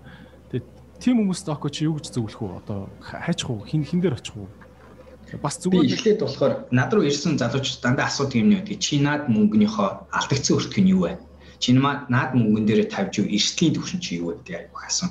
Яг тэгвэл гарааны бизнес хийн ялангуяа өөрийнхөө мэдхгүй тэгээд борлуулалт руу ороогүй ашиг хийгээгүй гэдэг чинь яг л нэрэ нүдэн анаар юм сонгож байгаадаа ерөөсөө ялагдах юм баг юу ч байхгүй. Болч маад болохгүй шүү ганцхан тэр эрсдлийг багасгах юм чи үүсгэн байгуулагч хүн нь өмнө тийм хийжсэн туршлагатай хүн үү улааралтай хүн үү тэр л байна ерөөсө ганцхан юм. Тийм болохоор early stage буюу жижигхэн компаниуд руу орох бол айгүй өндөр эрсдэлтэй ажил тиймчлэгээр олон хүмүүс ордгоо. Тийм. А тэгчээ тийм болохоор миний асууж байгаа юм наа 50 сая төгрөг чинь таны нийт оруулах нийт одоо хоримтлалыг чи хэдэн хувь вэ гэж асуув. Тэнгуут чинь за энэ миний 50% гэх юм бол асуун штэ. Та 50 хүнээ 50% сарын дараа хийсчүүл уурлах уу? Их тохиолдолд яг тийм өрсөлдөлийн төвшин бол аюу тав байдаг тий. Тэнгуут нөгөө бусад өөртөө байгаа хөрөнгө оруулалтын бусад замналууд бодох хэрэгтэй л хэвгүй. Жохон индекс руу оруулах, жохон тууштай компаниуд руу оруулах, өмч эзэмших За тэгээд одоо миний хувьд жишээ сүүлийн үед бол би крипто руу бас нэлээд гайгүй хувиа оруулж эхэлж байгаа тийм сүүлийн үед. Тэгэхээр айгүй гоё байгаа даа шүү дээ крипто. А тэгээд индекс болон юу oro investment руу бас хийж байгаа. Ингээд ингэж үүсэж байгаа л тэрэн дотроос л композицаа үүсгэж байгаа л гэж харж байна. А чиний хувийн хөрөнгийг хэрвээ нууц биш бол яг зүгээр баримжаагаар хэлвэл те а чи одоо өөрийнхөө хадгаламжны хэдэн хувийг яг банкнд хадгалаад хэдэн хувийг энэ крипто руу оруулаад хэдэн хувиар нь angel investment хийгээд хэдэн хувиар нь forex одоо stock дээр тоглолт хийгээд ингээд ингээд портфолиогоо ингээд нэг танилцуулаач тэгжилж болох уу? Би нэг 20% нь хадгаламж гэхдээ бүр тэрийг айгу багасгах гэж бодож байгаа. Бараг 10% болох ба. Аа тэгээд би гаргасан нэг горим нь би жоохон агрессив явж байгаа. 30% нь болохоор би хувьцаанууд гэхдээ нөгөө жоох зарим нэг нэрсэлтэй хувьцаанд equity-нууд гэхдээ Америкийн зах зээл дээр А тэгээд 30% нь болохоор крипто хийсэн компаниудын тий. Тий яг одоо одоо чинь индексүүд дотор жишээ нь орж байгаа л та тий. S&P 500 хүртэл дотор нь орж байгаа гэсэн. Тэгэхээр тэр дотор бас сонгоцсон хэдэн стокд байгаа. А тэгээд миний нэг агрессив байгаа юм би 30% нь крипто дээр байгаа. Тэр бол нэлээд агрессив хөтөл гарсан байна. Гэхдээ тэр энэ жил бол хэвээр айгүй өгөөчтэй байгаа. Би аль хэзээ 6 сарын дотор нэг нугалцсан тэрийг тий. Тий. Угсаа биткойн ч сая бүр ингээд Elon Musk-аас болоод Дээш 16% нэг өдрийн дотор өссөн шүү дээ. Солиот тэр. А тэгээд одоогоор би нэг 10-аас 20%-ийг гарааны бизнес рүү өргөхөс чадах хэмжээ. Гэхдээ энийг ингээ харангуут юм урт гарааны бизнес рүү хөрөнгө оруулах гэдэг бол урт хугацааны тоглолт. Энийг бас хүмүүс ойлгодог байна. Хүмүүсийн нэг хилдэг юм мөнгө өгчөө жилийн дараа юм 2 жилийн дараа авах гэдэг үгүй. Ялангуяа хувьцаат горимоор орж байгаа бол таны тоглолтын дүрмжээ VC-нүүд буюу мэрэгжлийн хүмүүс юу хүлээдэг вэ гэхээр 8-аас 10 жилийн дараа л хувиргаж аавна гэж хардаг. Тэгэхээр тийм мөнгө гэж бодохоор чинь 10 20% юм уу урт хугацааны хөрөнгө оруулалт руу галж шахах хэрэгтэй. Тэгэхээр чи би өнөөдөр 10-аас 20% крипто цуглуулж байгаа юм шиг ингээд цувуулж цуглуулж байгаа асуудал хэрэгж байна. Гарааны бизнес ч гэсэн адилхан тий. Өнөөдөр би нэг ингээд нэг ийм нэг жижиг хувьцаа чи дараа нь дахиад нэг юм чи дараа нь дахиад нэг юм чи гэдэг. Окей, ер нь хичнээн ширхэг гарааны бизнесийн хувьцаа эзэмшдэг байна. Одоо би бас нэг зарим нэг дээр гэрээ мэрэг алдан болох хэрэгтэй. Тэгтээ 5 6 байхаа тий. Одоогор л өөртөө 5 6 компани явц юм шин тий. Окей. За би Окод нэг компани санал болгох нь заяа. Тэгтээ медиа компани. Технологийн компани ч гэдэг бас сонирхоод үзээрэй. Тэгтээ миний компани биш. Айгу айгу иргэдтэй залуучдын компани. Би өнөөдөр өглөө чинь Япончуудаа уулзсны дараа өөрийнхөө Сингапурын хөрөнгө оруулагчтайгаа уулзж байхдаа тэнд би хоёр Монгол компани бид 30 минут уулзахдаа би нэг Япон компани, хоёр Монгол компаниг пэйж хийсэн өөрөө. Тэгээд чинь нэг компани 100 сая өсгөж байгаа, нэг компани 1 сая доллар өсгөх гэж байгаа. Аа нөгөө компани болохоор мөнгө хэрэггүй зүгээр Сингапурт хайгуугай контакт хэрэгтэй. Тийм. Ингээд ийм тэгэхээр миний нэг хийдэг ажил бүр бүр яахааргүй юм те байнгын компаниг мөнгөтэй холбож игэл ингээл яваа. Холбож явах хийх гэдэг тийм. Яг л буцаад нэг ойлгох хэрэгтэй юм чи хөрөнгө оруулагч нар ч тийм айж байгаа гэдэг ойлгох хэрэгтэй. Тий. Тий, дандаа. Хөрөнгө оруулагч нар чинь ер нь бол тийм үг гэдэг чинь тий. Стартап хөрөнгө оруулагчийг хайхаас илүү хөрөнгө оруулагч нь сайн стартапыг хайх нь бүр хэцүү байдаг тий. Хөрөнгө оруулагч яг ясэм дээр чамайг хайгаад өстой алигаа алдж явж байгаа шүү дээ гэдэг үг байдаг тий. А Око нэг хэсэг айгуу их Таиландтай холбоотой ажиллаадсан санаадахын зүгээр чиний сошиалос ингээ харахаар яагаад сүүлийн үед ингээ Таиландтай жоохон харилцаа чинь ингээд хөрцөн юм шиг надад санагдаад байгаа байхгүй. Таиланд яач уг нь амар ингээ бужигнаадсан газар юм шүү те.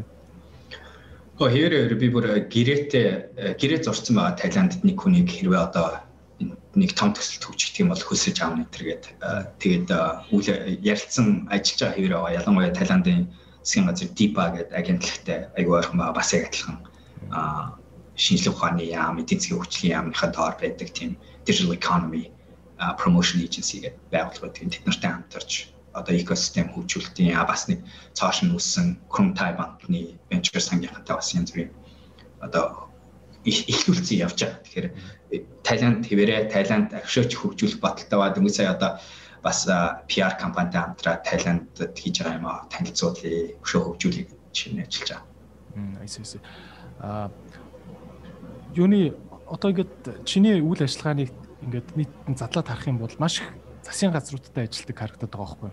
А тэгвэл бас венчур сангуудтай том юм баян компаниудтай ч юм уу те мангас олцсон компаниудтай ажилладаг юм шиг байна. Яг ингээд хуваар нь задлаад харах юм бол тэдэн өв тэрнтэй тэдэн өв тэрнтэй гэж ажилладаг пропорцоо хэлэж Улирал болгоноор ондоо байх шүү. Яг одоо болохоор 40% нь засгийн газар, 20% нь корпорацууд.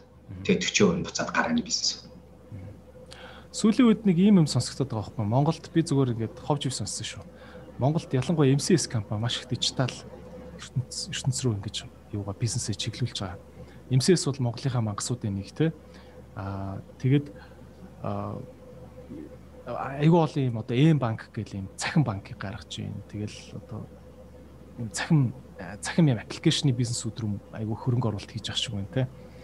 Аа жишээ нь MCS-тэй чи ярилцж үзчихсэн нь Монголын одоо MCS юм маш олон юм дижитал бизнесүүд рүү мөнгө оруулах гэсэн юм аа одоо энэ ч нэг л учраа олохгүй байна гэд чамтай ярих юм бол чи юу гэж зөвлөх байсан бэ жишээ нь жишээ нь MCS зөвлөөч гэвэл би энэ яриад бүр анханаас нь байсан л та MCS-тэй зөвлөжсэн. Тийм тэгээд эн чинь саяхан болсон асуудал биш. Төвшөө захирал тэгээд бусад захирлуудтай уулзж ирсэн. Өмнө нь бол а тэгээд тухайд яг л надаас асууж л док юу болж байна гэх. Тэгээд энэ бол олон жил төлөвлөж байгаа ажил MCS-ийн стратегийн ач холбогдолтой байсан байгаа. Тэгээд энэ бол MCS одоо ингэж Монголын томчууд дотроос ийшээ илүү агрессив хөдлөөд хөрөнгө оруулалтын төрөө зөв тодорхойлоод тэгээ чиглэлээ гаргаа явж байгаа боловч энэ олон улсад харах юм бол ерөөсөө бүх том компаниуд гэж. Тэ. Аа би одоо Хонконгийн Infinity гэх машины компанитай яг тэрийг хийжсэн. MTR гэдэг богоон тэ төрн одоо Metronic компани бүх үйл хөдлөлийн ихэнх үйл хөдлөлийг эзэмшдэг компанитай энийг хийжсэн. А зочид бодлын том юу а компанитай бүсийн хэмжээний том компанитай энийг хийжсэн. Mandarin Oriental одоо чинь групп компанитай гэх мэтэр энийг болохоор корпорацийн инновац гэж нэрлэдэг тийм аа тэгээд энэ өөрөө ховслын хармал Jim Collins хэлдгээр өнөөдөр энэ корпорацууд чинь өсөлт нь унж байгаа. Тэгээд идэгдэж явж байгаа зах зээлийн хувь алдаад байгаа. Тэнгууд эднэр яах вэ өөрсдийгөө сэргээж Harvard-д аягүй гоё нэр томьёо гаргацсан байдаг тэр refounder болох гэж хэлдэг. Дахин founder болох. Ингэснээрээ өөртөө шинэ өрсөлдөх чадварыг бий болж шинэ өсөлтийг гаргах. Тийм үл Тэгээ корпорацууд энийг хийх бүр хамгийн гой байр суурьтай хүмүүс яа тэгэхээр маш их баялагтай, маш их чадвартай, маш их дэд бүтцтэй уул нь бол а гэхдээ нөгөө соёлын маш ондоо а нөгөө нэг олон жил өөрсдийг нь амжилтанд хүргэж ирсэн юмных нь эсрэг гаргалгаа, эсрэг аргачлал болохоор тэр ховслол нь өөрөө айгүй хэцүү явагддаг. Тийм болохоор corporate innovation гэдэг бүр юм тустай юм айгүй том салбар хөгжиж байгаа. Одоо шинэ Temasek гэдэг энэ баялагын компани хийж байгаа чи яг тэр байхгүй. Энэ баялагын сангийн хүмүүс өнөөдөр яаж инновацлыг боддог болох вэ? Яаж жижиг стартапуудыг хөдөлдөг, хурдтай, харддаг, үздэг, асуудаг болох вэ гэдэг чинь өөрөө яг тэр асуудал. MCS-үүд яг л тэгжээс. Тэгээ тухайн үедээ би бас санаж байна би бас а хэлжсэн зүйл нь өөрсдөө хийн гэж дайрах юм бол айгүй урт цаг зарцуулна. Тэгээд корпорациудад нэг харагддаг зүйл чи юу гэхээр бид нар тийм бүх хүмүүс надад ийм мундаг хүн байна надад тийм би энэ бизнесийг олон удаа амжилттай хийсэн. Тэгэхээр би энийг чадна штэ гэдэг энэ мэтгэл үншил бүр органика байдаг гэдэг. Угаасаа байдаг. Гэтэл өнөөдөр яг тэр нь тийм байсан болохоор л нөгөө шин боломжийг олж хараагүй. Тийм байсан болохоор л энгийн шийдлийг гаргаж чадаагүй штэ. Ер нь бол. Тэг би тухайд шууд хэлчихсэн. Өөрөө хийх юм бол ингэж удна. Тэд дахин их мөх зарцуулна хамтрах юм худалдаж авах юм бол хамгийн зам тавчлана гэж хэлчихлээ. Тий. Зөвлөж. Энэс тэгээ та нар үйлчлэгийг яасан хөлсөлж авсан уу та нарыг? Үгүй би тэр зүгээр өөрөө зүгээр ганцаараа хуваараа зөвлөж. Аа зөв зөв. Окей. Яа, эмсэс дотор тэгээд нэг тиймэрхүү болоод байгаа юм шиг үлээ. Айгүй бол тусдаа хөрөнгө оруулалтын самаа үүсгэсэн юм шиг байлээ. Зүгээр сонсогдох нэ. Тийштэй бүр олон жилийн Paul Bridge би тойр очиж явах MCS-тэй уулзахад хөрөнгө оруулалтын сан үүсгэжсэн. Тэр чинь одоо бараг 10 жилийн өмнө тэг бараг л. Тэрний үр Тэрний үр дүн одоо л нэг мен мэтийн нүдэнд ингэж анзаарэгдэж эхэлж байгаа юм байна те. Тий. Цаагуур айхтраа те. Нахнар айхтар шүү. 10 жилийн өмнө бэлтжидэг те. Гэтэ ер нь тэрэн зөвлөлтөө ер нь том компаниуд айгүй ингэж алсыг харж төлөвлөгөөтэй хөтлөх нь их зөв гэж бодоод байгаа те. Нэг сүр сар гээл шин юм гарангуут нь заа залуусаа гэл ингэдэг байх бас. Хэдий хурдтай стартап соёл сайхан ч гэсэн бас яг тийм бушуу тулаа бориндоо бас та гэж. Одоо энэ тэгээ асуулт нь болохоор энэ хоёр ертөнцийг Тэгээ энэ дээр бас үгээд corporate startup engagement гэж нэрлэх CSE гэж. Буюу startup корпорац хоёрын хоорондын хамтралыг гой учрыг олцсон хүмүүс л заад авах гэдэг шүү дээ. Яг тэгэхээр хоёр талынхаа хоёулынхаа давуу талыг оруулж ирээд тэгээ урагшилж чадчих хүмүүс. Barclays гэдэг Английн тийм ээ Европын дэлхийн одоо хамгийн том банкнуудын нэг байдаг. Barclays банк Англи. Тэднийх Texas-тай ажиллаад 6 жил. Тэгээ Barclays яасан гэхэлэр яг тэрийгээ буюу бидний стартапуудтай ярьж мэдгүй байна, ойлгоцч мэдгүй байна, ажиллаж мэдгүй байна гэдэг. Угаасаа бүх корпорациудын тулгардаг юм тэр. Гэтэ эдгээр ч одоо эдэн жилийн дараа мань нийтийг нухчих гад байна гэдээ айгаад бас тий. Тий. Тэгээд бид нар бид нар дээр ирээд энэ яриаг өрнүүлж орчуулагч хийж өгөөч. Ойлгоход туслаач. Тэгээд эдэн жилийн дараа тэд нар яасан гэхээр цоошин 6 сарын өмнө байгаагүй баланс шиттэй байгаагүй орлогын их сурвалжийг нэг стартаптай ойлгоц чадсанараа өөртөө гаргаж чадсан. Өмнөд Африк цоошин лендимэ шиг шийдлийг эртнээс нь оролцоод цуг агаад өөрийнхөө хэрэглэгч рүү шахаж чадаад тэгээд одоо жишээлбэл хас банк юм уу хаан банк ч юм уу голомч юм уу худалдаа хөгжлийн банк лендименийг тэр үед хамтарцсан ч юм уу худалдаж авах ч юм уу юм болцсон байсан бол үгүй 300 мянган хэрэглэгчийг ямар бага зардлаар ямар богино хугацаанд авах боломж байсан бэ те? Тэгэхэд нөгөө стартапуудыгаа бас том компаниуд нэг бол ингэж дээрлэж харьцаад нэг бол чамтай харьцахгүй гэж ингэж жигээд те Тэгээ итгэнчлийн дараа нөгөөдөлтөө ингээд зах зээлээ мэрүүлээд таллаасаа мэрүүлээл тэгэл том компаниуд ер нь яаж ах шүү хэцүү байдалд орж ах шүү тий. Тэгээ ах нартай ярихад бол бүгдээ мэдчихэл шүү тий. Ойлгоод шүү ер нь бол. За ингээд суугаад байж болохгүй ээ. Ирээд байна, алдаад байна гэдгийг мэдж байгаа. Бүгдээ мэдж байгаа. Залуучдын компани бас айлгч юм л та тий. За Окогийн За тэр лайфстайл энтрээ бол чиний угаас инстаграмаар дүүрэн байгаа үзэгчдээс нь те фолловеруудаас нөлцлөвчи. Ирсэн асуултууд нь айгүй тийм лайфстайлтай холбоотой асуултууд их байлаа. Тэгээд өнөөдөр бол яг зүгээр би жинхэнэ яг юм зүүм дааз юм нүдэрэ харж иж ойлгохдаг юмны талаар ярилцъя гэж бодсон юм. Око ер нь зүүм даазд одоо ер нь юу болоод байна? Ер нь энэ Аз твд юу болоод байна? Хаана хаана бидний олж харахгүй юм өөрчлөлт, шилжилтүүд явагдаад байна. Одоо ингээд магадгүй бүгд бүгдээрээ вакцинтай болчих юм шиг байна. Хил ер нь баг энэ оны сүүлээр нэгдчих юм шүү.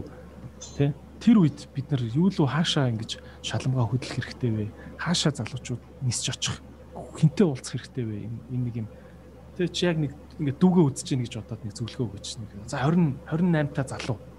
Ингээ аялаад Quentin-тай уулзах уулзгаар хэмжээний ингээд хөөрхөн санхүүтэй болцсон. Залуу би яах вэ одоо хил нэгтгэл юм бол би яах вэ гэд асууя л та. Нэгт болохоор юу л ах. Энэ одоо энэ нэг аялж болохгүй байгаа. Тэгээд энэ нэг төгжих шаардлага те өөр дээр ажиллах энэ энэ нэг хүчнэсэн энэ нэг боломж ч аяг гой боломж ба штэ. Тэ нөгөө хүмүүсийн зав гаргадаггүй байсан юм хийх бүр нөхцөл нь бүр хүчээр орж ирээд байна штэ. Тэгмэд юу гэхээр өмнө хил нээлттэй байсан юм дайсан. Өмнө Сингапур руу нисч ирэх болох байсан болох байсан. 30 хоногийн виз хинч монголчууд ороод даруулаад ордог. Малай зайтлан 10 улс дотор Монголоос виз шаарддаг. Бруней нэг юм шаарддаг гэж магадгүй байна. А Мянмар ч интернетээр хойлоо нэр яадаг гэсэн шүү дээ. Виза авчихсан. Тэгэхээр тэр боломж байсан байсан. Тэр боломж одоо нэг гинт гараад ирсэн зүйл үгүй. Амар юм өөрчлөлтөө одоо нэг тийм цоош амар урд нь байгаагүй нөхцөл гараад ирсэн гэж хэлэхэд бас хэцүү. Харин тэнцээ юу хэрэгтэй байгаад идэггүй гэхээр яг тэр нэг Монгол залуу би тэгээ нэг зөндөө байсан Монгол компаниудтай. Сингапур руу надаар дамжуулж ирээ хөрөнгө оруулагчтай уулзсан компани зөндөө.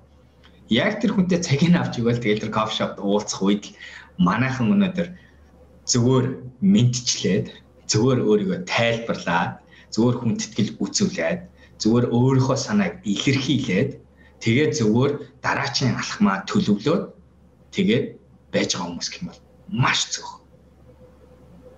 Тэр тийм хилийн цаана байгаа боломжоос өмнө эхлээд нэг хийх хэрэгтэй юм нь манай монгол залж бүгдээр өөрсдийгөө гэрийн даалгавар маш их байна. Тэгээ миний ингэж ажилтдаг хүмүүс зөвхөн монголчууд биш шүү дээ. Тайланд залуучууд Сингапур руу ирээд надтай яг адилхан хүсэл тийм. Тэгээ би холбож өгнө. Би өнөөдөр Японы компаниг Сингапур хөрөнгө оруулагчид өмнөөс нь пич хийх буюу найраа хийчихэд ирж шүү дээ. Тэр чи яагаад вэ гэхээр тэр Япон залуу амар гоо шинэ материал үүсгэсэн. Насжилтанд зориулсан тэр материалаа өнөөдөр хүнд ойлгуулж ярьж чадахгүй байна. Тэгээ би өмнөөс нь.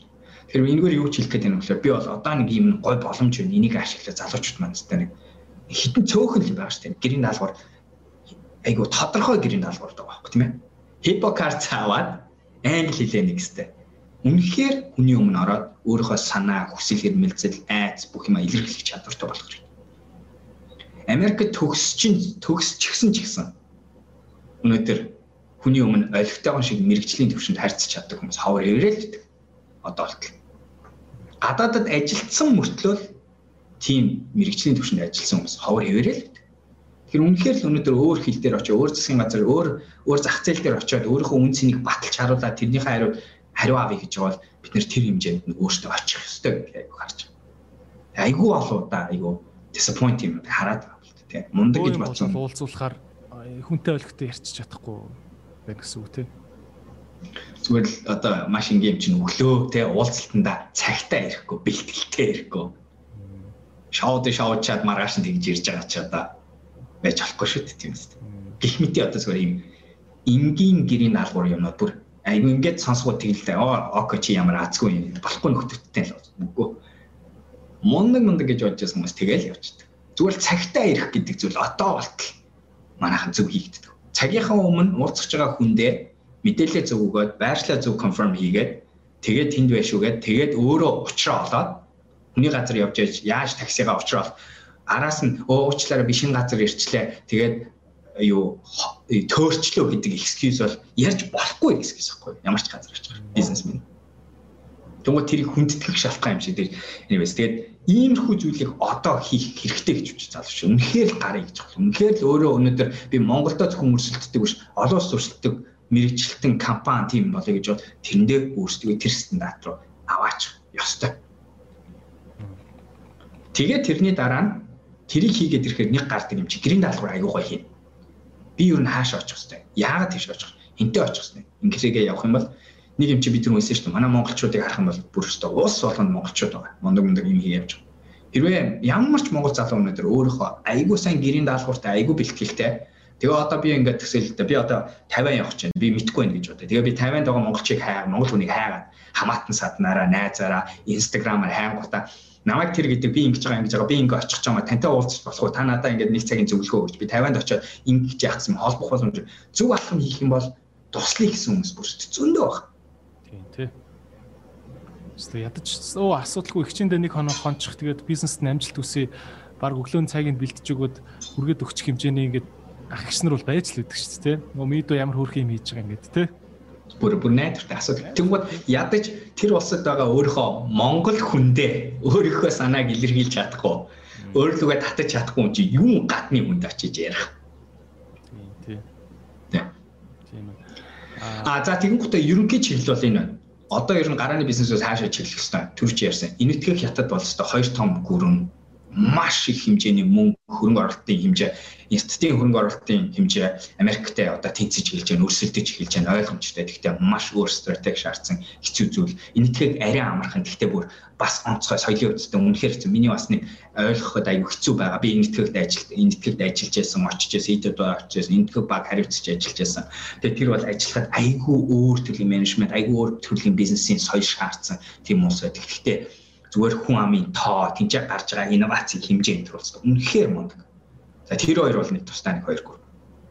Япон бол айгүй хамгаалттай. Зөвхөн Японоор ярьдаг, Францтай адилхан. Ази Франц гэж ярьдаг шүү дээ Японч. Японоор ярьдаг эсвэл Япон соёлыг мэдгүй бол доор нь таныг чавчаа ичдэг тийм газар. А тэгвэл орч чадах юм бол өндөр төлбөрийн чадвартай, өндөр мэрэгчсэн дэд бүтц өндөртэй айгүй гоо хэрэглэж чинь. Гэхдээ Япон айгүй тийм мэдэгддэггүй олон шийдэл дэндүүх байдаг. Хүмүүс бүр ингээ амьдралын бүх юмныхаа учрыг олцсон байдаг. Одоо тийм гоо та хүний зуршлыг ивдэх айгүй шаардлага гардаг. Японд. Үшээ гоё болцсон тий бүх юм. Бүр нэг ингэ болцсон дүрийн төвхтэй байсан ч гэсэн тэд нар бүр ингэ заасаа игээд ингээд ингээд ингээд хийгээ сурцсан. Тэгээд тийм айгүй тайв айгүй урт хугацааны шийдэл айгүй хүн тэтгэлтэйгээр хандах хэрэгтэй. Би японочдод кол хийхдээ толгоогоо ингэж болохгүй санал нийлжсэн ч гэсэн ингэж болохгүй гэдгээ саяхнаас сууж эхэлж. Оо яатсан. Тэр үгүй. Тэгэхээр тэрний үгс үг гэхээр аа за би чам гэж сонсож байгаа шүү бодлаагаасаа гэсэн үг. А яг үнэнгээсээ санал нийлж байгаа бизнесмен хүн бол хөдөлгөөнгүй байх хэрэгтэй гэдгээс сурсан. Тийм үү? Тийм. Ямарсан. Цааш нь бизнес акмын одоо гүнзгийрж орж эхэлж байна тийм ээ одоо би чинь. Өөр солонгос бид нар манай компани өөрсдөө одоо миний ажиллаж байгаа компани бид нар тун утгагүй нэг олон улсын салбараа юу Сингапур юм Хонконг тагж байна. Старт бол угаасаа энд бүртгэлтэй байгаа бид нар одоо зарим үйлчлэгээ Монголоос гаргаад Сингапураар дамжуулж гаргах дээр ажиллаж байгаа. Би Монголын эд эдийн компанийг Сингапураар дамжуулж гаргах дээр өөрөө чадах хэмжээгээр тусалж байгаа. Хөрөнгө оруулалт босгоос ахгуулаад нэвтрүүлэх энэ төр юм бол угаасаа л хийжсэн дэрийгэ хийсээр л байх. Томьёогийн олон улсын зөвлөлтөөр нь зөвлөх групп дээр нь ажиллаж байгаа жишээ. Тэгээд тэд нэрийгээ бас ингээд нэвтрүүлж үзэгдэл дээр нь ажиллаж байгаа. Гэх мэтэр Сингапур болон Хонконгд бол гарааны бизнесүүдэд ирэх бол үнэхээр бүр хийх ёстой нэг алхмуудын нэг гэж байна өөр Монголын бизнес хийж байгаа залуучууд юун дээр алдаад байна? Одоо жишээ нь ингээд хэллээ шүү дээ. Хүчийг ингээд бөө юм болоод мундаг хөрөнгө оруулагч нартай уулзуулаад өгч яхад би ярьж чадахгүй байна гэдэг шиг. Өөр юун дээр алдаж байна бас? Ам энэ зөвхөн Монголынх биш. Энэ одоо би бас нөгөө Японочдын надаас асууж байгаа зөвлөгч яг энэ л гэдэг. Окей. Бид нэг Америк руу гэсэн бид нар яах вэ? Тайванчуудын асууж байгаа асуулт адилхан, Солонгосчуудын асуух асуулт адилхан. Ус бодлогон дээр нэг entrepreneur хүмүүсийн гаргадаг алдаа нь юу гэхээр тэд нар өөрийнхөө анхны зах зээл буюу анхдаг зах зээл гэр бүлийнхаа зах зээлээр нөгөө төрлөхөөсөө хийж байгаа юмнуудаа юу автоматар хүлээж аваад ажил гэж тооцдгоо. Энэ юу гэсэн үг вэ гэхээр компани тайлбарлахыг чинь үндсэн хэлэн дээр хүн нэх ботхгүйгээр тайлбарлчих байхгүй яа тэгэхээр энэ чи байглаасаа биднэрт байгаа мэдлэг чадвар үгийн сонголт юм төрөлхийн юмнууд байгаа. Сонсож байгаа хүнийхээ юу бодож байгаа бол юу хүсэж байгаа бол юунаас айж байгаа бол ямар яриул өнгөөр яриул хүлээж авахын гэдгийг мэдэх чинь биднэрт байглаасаа байгаа чадвар байхгүй. Тэгэнгүүт энийг бид нар зүгээр л хийчихэд юм. Гэтэл яг тэрний ард болж байгаа механизм нь уул нь бол Биднэрт байглаасаа болоход бид нар тоохгүй болохоос тэр чинь маш их зүйл болж байгаа юм. Тэнгууд аль ч улсад байгаа entrepreneur-д анхныхаа зах зээл дээр хийсэн алхмууд нь тэр байдаг. Тийм ч болохоор Монгол компаниуд дандаа гадагшаа гарахын өмнө эхлээд Монголдо хийж чаддаг бол гэж дандаа хэлдэг шүү дээ. Монголдо хийж чадахгүй бол яаж өөр улсад хийх гэдэг юм бэ? А тэгэн гутаа эдгээр өөр юм уу хоёр дахь юм уу гурав дахь зах зээл рүү орохороо нэг юм санах хэрэгтэй байдаг. Тэрний үг гэхээр би бүх юмыг нойлоос эхлэх гэж байна гэдэг хүлийн хэрэгтэй. Би угаасаа Америк хүн биш. Би угаасаа Индонез хүн биш. Би угаасаа Сингапур хүн биш юм чинь. Би өнөөдөр тэр хүн рүү юма тайлбарлахдаа хоолойны маань ийм байх уу гэдгээ хүртэл бодох хэрэгтэй байхгүй. Би зах зээл рүү орох юм бол зүгээр л ингээд ийм байдлаар тайлбарлаад 20% хямдрал байгаа шүү гэж бичих нь зөв юм уу гэдгийг чинь өмнө нь болохоор биднэрт Монголд мэдхгүйгээр л бодохгүйгээр бүх сигналаас аваад манайх ингэт ингээл те. Тийм манайх ингэт Гэтэл олон улс тэр чинь бүх юмыг бид нойлоос бодох шүү. За тэгээд энэ алдаанаас гардаг зүйл нь тэгэхээр бид нар яадаг вэ гэхээр ихэнх тохиолдолд энэ олон улсын зах зээлийн стартапууд маань хоёр дахь зах зээл рүү орохдоо ийм айгу хайн орчоод байдаг. Амархан гэж бодож ороод бэлтгэлгүй хүлээлттэй буруу тавьж орчоод байдаг. За тэгвэл энийг засах арга нь юу вэ гэхээр анханаас нь тухайн улсынхаа хүнийг багта аль болохоор өндөр албан тушаал шийдвэр гарах хэмжээнд нь авах ёстой. Үнэхээр л тэр зах зээл рүү орё гэж байна. Тэндээ тэрийг зохицуулах авах ёстой. Хүн авах ёстой. Хүн авах нь хамгийн зөв зам тавьчлах асуудал шүү дээ. Нутгийн хүн авах ёстой. Хүн авахгүйгээр өөрөө өөрөө орох юм бол хүлээлттэй зөв болох ёстой. Тэрний үг гэхээр надад би 6 сард оруулахгүй надад аяг бол 2 жил хэрэгтэй гэдэг үнэн ч хүлээлт үүсгэх ёстой ойлголоо. Хүн авах гэснээс нэр око хэлж штэ чи ингээл улс болгон дээр очиод баг бүрдүүлэл төсөл болгондоо зөрүүлэл хүн ажилд авдаг гэлдэг чинь. Хүн яг яаж ажилд авж гин? Одоо за жишээ нь манай энэ зочил ап юутай Таиланд руу гарлаа гэж үдээ. Тэгээд нэг Таиланд амар залуу болох хэрэгтэй штэ. Тэр апи чинь тэнд зах зээл дээр нь босгоод ирчих залуу болох хэрэгтэй. Тэр хүнийг яаж болох юм? За нэгт нь хоёлаа ингээд сая ингээ юм хийж явахдаа надад имэйл ирж байгаа байхгүй. Тэр нь болохоор манай Techstars-ийн бүр Space хөрөнгө оруулалтыг Jonathan Fenske-г одоо 30 гаруй компани хөрөнгө оруулсан мундаг хөрөнгө оруулагч. Тэр надад бичиж байна л да. Око.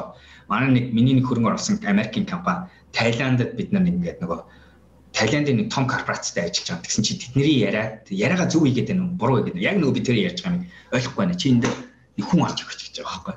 Аа за. Тэгвэл би яах юм? Чи мэдэн штэ.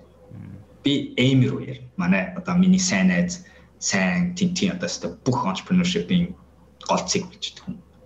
Одоо эн чинь нөгөө нөгөө чиний анхны асуулт биш. Хүрээлэл. Сүлжээ амьдралын дээр одоо хамгийн үнцэнтэй юм чи миний одоо хамгийн алт чи ерөөс тэр л шүү дээ одоо л тий. Урт хугацаанд.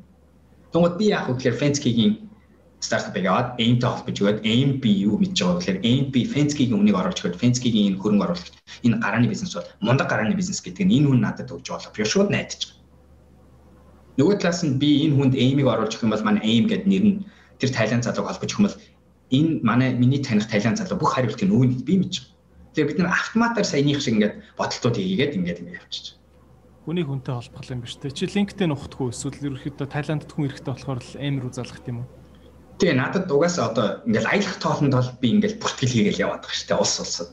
Хин хаана вэ гэл тээ хин хаана байна ямар хүн байдаг вэ? Ажиллаж байгаа ихтгэл цуг хийж байхдаа конференц цуг оролцож байхдаа харж байгаа яриа хийж байгаа орой баарн цуга хоол хийж байхдаа хүртэл харж байгаа тийм ээ.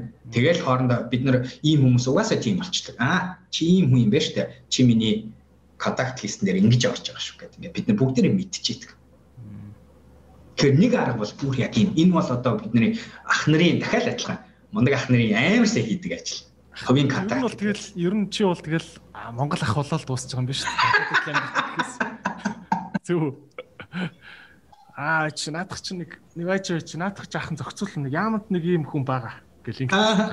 Ер нь тийм болчихсон юм шүү. Гэхдээ аюу сонирхолтой. Тийм л дээ одоо зүгээр тэгж харах юм л тийм. Гэхдээ нөгөө өнцг нь бас юу вэ гэхээр манай ах нар олон улсын хамгийн гой бизнес практисуудыг аюу мэддэг болсон. Тэрийг монголчлол хийдэг л байсан л байгаа хөөх тээ. Тийм тийм. Гэхдээ манайхан ч айгүй тэгдэж штэ.